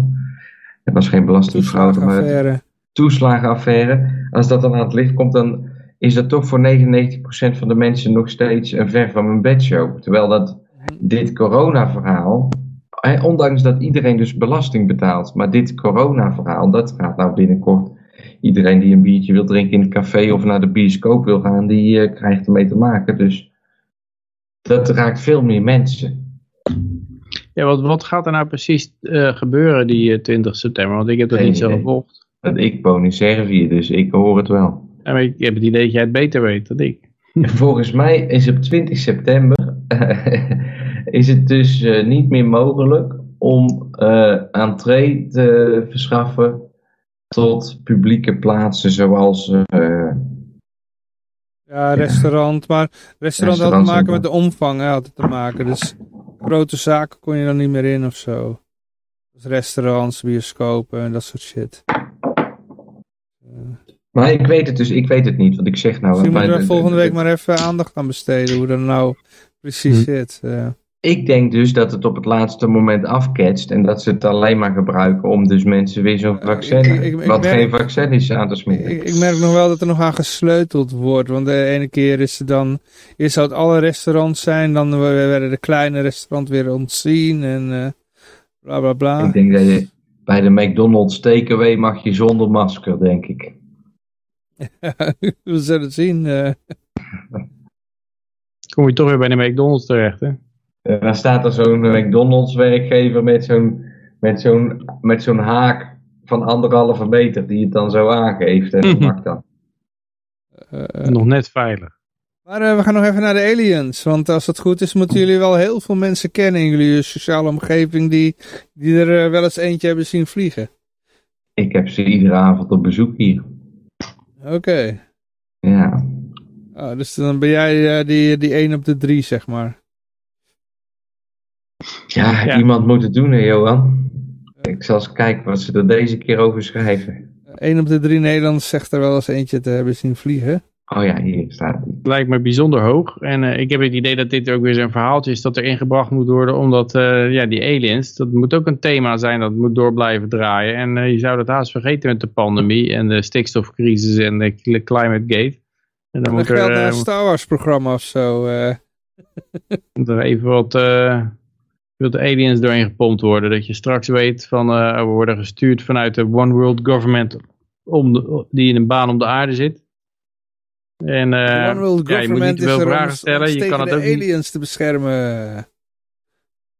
Zoiets. Sorry? Oh. De One World Government is er om ons tegen de aliens te beschermen. Nee, nee, de One uh, World Government wordt gerund door de aliens. En die hebben okay. zulke, zulke enorme wapens dat, dat we nou eenmaal moeten gehoorzamen. En ze willen allemaal dat we een mondkapje dragen, een vaccin nemen en een QR-code scannen. En, en uh, ja, als jij... Uh, ik denk ja, eerder dat ze dat doen van, uh, ze willen ons beschermen. Nee, nee want, want uh, nou ja, dat zullen ze wel zeggen, dat, dat wij vernietigen onze planeet met, met uh, CO2 en dan moeten we... Nee. Daar moeten we wat aan doen van de aliens. Dus, maar, ze, maar willen denk, ons beschermen kijk, tegen invasie. Dat is ja, het. Dat is het. het punt is een beetje dat voorheen had je God. En God was iets, iets vaags, groots, machtigs. En je iedereen moest God gehoorzamen. En, de, en Mohammed was zijn profeet en die vertelde je wat God wilde. En dat gaf de gewone man de leverage van het concept God. Maar God is een beetje aan het verdwijnen. En aliens zou daarvoor in de plaats kunnen komen. Want je kan gewoon zeggen, we hebben weer een aardse president. En die zegt van, ik, ik heb contact met de aliens. Net zoals de, als de paus contact heeft met Jezus. En dan zegt hij, de aliens willen dit, dit en dit en dit. En jullie kunnen niet met de aliens praten. Net zoals Vroeger, de gewone man kon niet met God praten, omdat de Bijbel niet in het Latijn vertaald was. Uh, Joe of, uh, Biden kon wel communiceren met de aliens. Dus de communicatie zat, bottleneck zat bij de priester, die dan ging uitleggen, die ging interpreteren wat God nou wilde. En dat kan met die aliens ook prima. Want dan, uh, ja, die aliens die, die willen van net zo wat, wat God wil. Maar als je nou precies wil weten, dan moet je even naar Mark Rutte gaan. En die kan je uitleggen, want die praat dan in het geheim met die aliens. Die willen ook niet dat dat openbaar wordt en zo. En, uh, en uh, ja, ik zie dat wel werken hoor. Ja, er zit wel wat in, ja. Maar dat, zou, dat verklaart dan ook waarom Joe Biden allemaal van die wartaal uitslaat. die, die staat nu te dicht bij de aliens. die wordt dan overgenomen, terwijl dat hij in die stoel met Israël... Heb je dat gezien? Dat film? wordt dat omhoog gebeamd. Nee, heb ik niet gezien. En valt, hij, en valt hij in slaap. Oh, dat heb ik wel, ja, dat heb ik wel gezien. Is zo trans, dan uh, heeft hij ja, ja, of hij wordt ontvoerd door aliens natuurlijk op dat moment. Zijn ziel wordt even eruit gezogen. En, uh... Dit is, hij viel niet in slaap uit de context. Hij werd gekidnapt door aliens. Uh... Jongens, ik ga wel wat eerder naar bed toe. Dus ik, okay, ik, moet er ook even een eindje aan brouwen. nou, kies jij, kies jij de laatste, Peter. Nee, nog twee. Ik vind deze politie pakt negen man op tussen geschrokken naakte strandgangers op de Maasvlakte. ik weet niet waar het over gaat. Dat wordt uit het artikel ook niet duidelijk. Maar uh, politie met getrokken wapens rende op een naakt strand af en, en arresteerde uh, naakte mannen uit die zich uh, ja, hadden misdragen of zo. Het was ook weer het verhaal. De politie daadwerkelijk een van de verdachten naak in de boei heeft geslagen, kan de woordvoerder niet zeggen. De mannen zijn aangehouden vanwege verdacht gedrag. Maar wat dat inhoudt is niet duidelijk. Dus ook zelfs nu.nl weet, ja, eigenlijk kunnen we niks mee. Maar het is wel een beeld, zeg maar, na, met gewapende politie die een stel naakte mensen arresteert. Een beetje zo'n slapstick uh, idee krijg ik bij, weet je wel. Charlie Chaplin met allemaal van die veldwachters met zo'n knuppel erachteraan. Hmm. En niemand weet wat er echt aan de hand was. Uh, Eh, Ja, het volgende bericht is, eh, terrorist Nieuw-Zeeland werd 53 dagen non-stop gevolgd door zo'n 30 agent. Dus ze wisten van iemand, oh die is heel gevaarlijk, is een terrorist, die wil mensen vermoorden zo. En eh, op een gegeven moment hadden ze hem vrijgelaten, hadden ze hem met 53 dagen non-stop gevolgd, met 30 agenten. En nog steekt hij gewoon in de winkelcentrum een hele hoop mensen neer. uw belastinggeld eh, aan het werk, eh, Nieuw-Zeeland. Ja, dan, eh, ja, hij had al drie jaar vastgezeten vanwege terrorisme, ja, gerelateerde misdaden. Maar was in juli vrijgenomen, want er was echt geen mogelijkheid meer om hem gevangen te houden. Maar terwijl ze in Nieuw-Zeeland wel gewoon, als jij, als jij je neus pulkt en je mondkapje afdoet, dan, eh, dan word je gelijk aan de boeien geslagen ongeveer. Dus eh, dat kan allemaal wel, maar een terrorist... Ongeveer 400 eh, Nieuw-Zeelanders vast voor dat soort vergrijpen. Ja. Eh, maar ja, een echte terrorist, ja, daar- ja, ze zijn gewoon met de handen gebonden op de rug. Eh, ja, het is zo'n vrij land eh, in, Nieuw-Zeeland, daar kunnen ze gewoon, zelfs een, een bewezen terrorist, die kunnen ze gewoon, ja, kunnen ze, ja, rechtsstaat, hè. Het is gewoon echt democratie me- en zo, en vrijheid, ongelooflijk. Ik, ik vraag me wel af hoeveel uren dat ik al gekost heb hoor. Voor mensen die mij aan het volgen zijn en zo. Hmm. En, en, en zo'n documentaire die er zo. Want ik ben het allemaal weer aan het opschrijven, dus dan denk ik er allemaal weer aan. Maar van die mensen die dan komen filmen en die er een heel verhaal over maken en zo.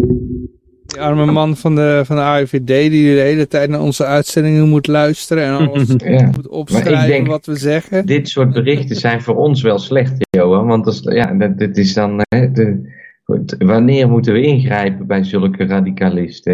Hè? Je Eh, ziet het nou in Nieuw-Zeeland gebeuren. Op een gegeven moment ga jij een keer naar de Jumbo toe en dan eh, zeggen ze iets over je mondkapje. Ja, en je weet niet wat er gebeurt, hè? eh, Overigens, in de laatste alinea staat natuurlijk altijd de boodschap. Staat, omdat de dader bij de aanval een mes gebruikte dat hij uit een schap had gepakt, hebben verschillende supermarktketens in het land besloten messen en andere scherpe voorwerpen uit het assortiment te halen. Dus het is, eh, is gun control, knife control nou. Hè? Dus gewoon, je, kan geen, je kan geen mes meer kopen in de supermarkt. Nee. Ja, dan gaan we nog even naar de Taliban toe, want die houden nou een eh, groep, eh, nou niet alleen eh, in deze groep hoor, maar eh, heel veel Amerikanen vast in ruil voor eh losgeld, waaronder een groep van eh, Glenn Beck. Eh, ik weet niet of je die kent, een beetje conservatief, eh, af en toe Die is, naar... die is eh, toch overleden, die Glenn Beck? Oh, niet dat ik wist, maar Oh. Misschien haal ik hem door de war met iemand anders. ja, ik had het zo opzoeken hoor, maar ieder geval... ehm Glenn Beck is een conservatieve, eh, af en toe naar, eh, wanneer het hem uitkomt, naar libertarisch eh, neigende radiopresentator. Die in ieder geval, ja, is ook een beetje christelijk. En die, die heeft dan zo'n zo'n groep, zo'n soort liefdadigheidsgroep. Ik ga het zo even opzoeken. Maar die, ehm, die zitten nou vast in Afghanistan, een paar van die medewerkers. En die worden dan eh, gegijzeld in ruil voor eh, subsidie, denk ik, hè? Ik heb hier staan dat hij nog leeft. Ja, inderdaad, dat leeft. Ja, hij leeft nog, ja, naar, naar mij weten wel, ja. Ja, maar of wie er dan overleden is. Er is laatst iemand overleden, dacht ik. Die Zo'n, eh, ja ik weet wat heb je nog meer voor conserv conservatief eh radio? Zat. Maar ja, maar goed, dit is wat te verwachten. Kijk, ik denk dat deze natuurlijk het laatst in de rij staan. Want, eh, ja, het, eh, hoe heet hij nou? ehm, Biden is natuurlijk, of de, tenminste, de, de, de, de democraten zijn aan de macht. Dus ja, deze staan waarschijnlijk al helemaal als laatste in de rij om gered te worden. Toch? Ja, dat denk ik ook wel, ja. Eh, maar hier staat dat hij dus eh, particulier, dat, dat vond ik wel mooi. Uit eigen zak heeft hij die, eh, al die, die vliegtuigen geregeld. En hij nam gewoon ook iedereen mee die er niet bij, bij zijn club hoorde. Dus eh, nou ja, eh, gewoon ben je ook Amerikaan, kom erbij. Eh, we hebben nog plek zat. Ja. Ik ben in de war met de Rush Limbo. Dat was mijn eh Oké. warning. Ja, het hele, hele verhaal is natuurlijk, ze geven die airba- airbase hebben ze als eerste opgegeven. Ja, dan kan je de hele stad niet meer verdedigen en het vliegveld ook niet meer. eh. Wat heb je nog meer? Ghislaine Maxwell, dat is het hè, het laatste. Ja, ja, ja, gaan we even naar uh, Maxwell toe. Ehm, even kijken hoor. Eh, hoe, eh, ja, oh ja, de, de, de medewerkers van uh, Ghislaine Maxwell, die, ja, dat is besloten dat, ja, dat ma- mag buiten de rechtszaak om, mag niemand dat weten wie dat zijn. Dat heeft de rechter besloten. Ja. Ja, nou heeft ze goed voor elkaar, hè? ja. nou, wie zullen dat zijn? ja. Ja, we zullen maar geen namen noemen, want anders dan wordt die stream volgende week niet uitgezonden natuurlijk. ja, ja, ja, ja, ja, ja, ja. Nee, ja, wat moeten we van zeggen? Eh, Was te verwachten, hè? Het was te verwachten. We mogen natuurlijk niet weten dat dat eh, Bill Clinton is en... eh hoe noem je dat? is, Prins eh, Andrew, of wat, wie was het nou? Andrew, hè? ja, Eh, ook zelfs, het is nog zelfs zo dat je dat, ehm, veel, heeft, veel van de dingen heeft zich afgespeeld op eh, Brits grondgebied. En de Britse politie wil er geen onderzoek naar doen. Dus, eh, Hmm. dat soort shit. dat, Majesteit, Prins Edward, Andrew was het, hè? Andrew. Ja, Andrew. Ja, goed. Nou ja, dat is eh, de gang van zaken. Zo gaat het. nou, de rechtszaak gaat gewoon door natuurlijk. De namen die worden er nou buiten gehouden. En eh, Het verdwijnt in het waarsch- waarschijnlijk wordt die Ghislaine Maxwell heel wat beter verzorgd dan een Julian Assange. Ja, nou ja, ze, maakt, ze schijnt er zelf een potje van te maken, want ze wil het toilet niet doorspoelen. Tenminste, als we het nieuws moeten geloven. Ja, Ja, misschien houdt ze daar wel van. En je weet het bij zulke types niet. eh, eh. Maar ja, goed, ja, we zijn aan het einde gekomen. Yes. Ja. Eh, we gaan een eindje aan brouwen. Ik eh, wil, eh, nou ja, in ieder geval eh, iedereen eh, danken die geluisterd heeft. Eh dankjewel voor het luisteren. En eh, uiteraard de deelnemers danken voor het deelnemen. Uiteraard zijn we de volgende week weer. En ik wens iedereen een vrolijke en vooral heel erg eh, vrije week toe. En ik zou zeggen, toedeledokie.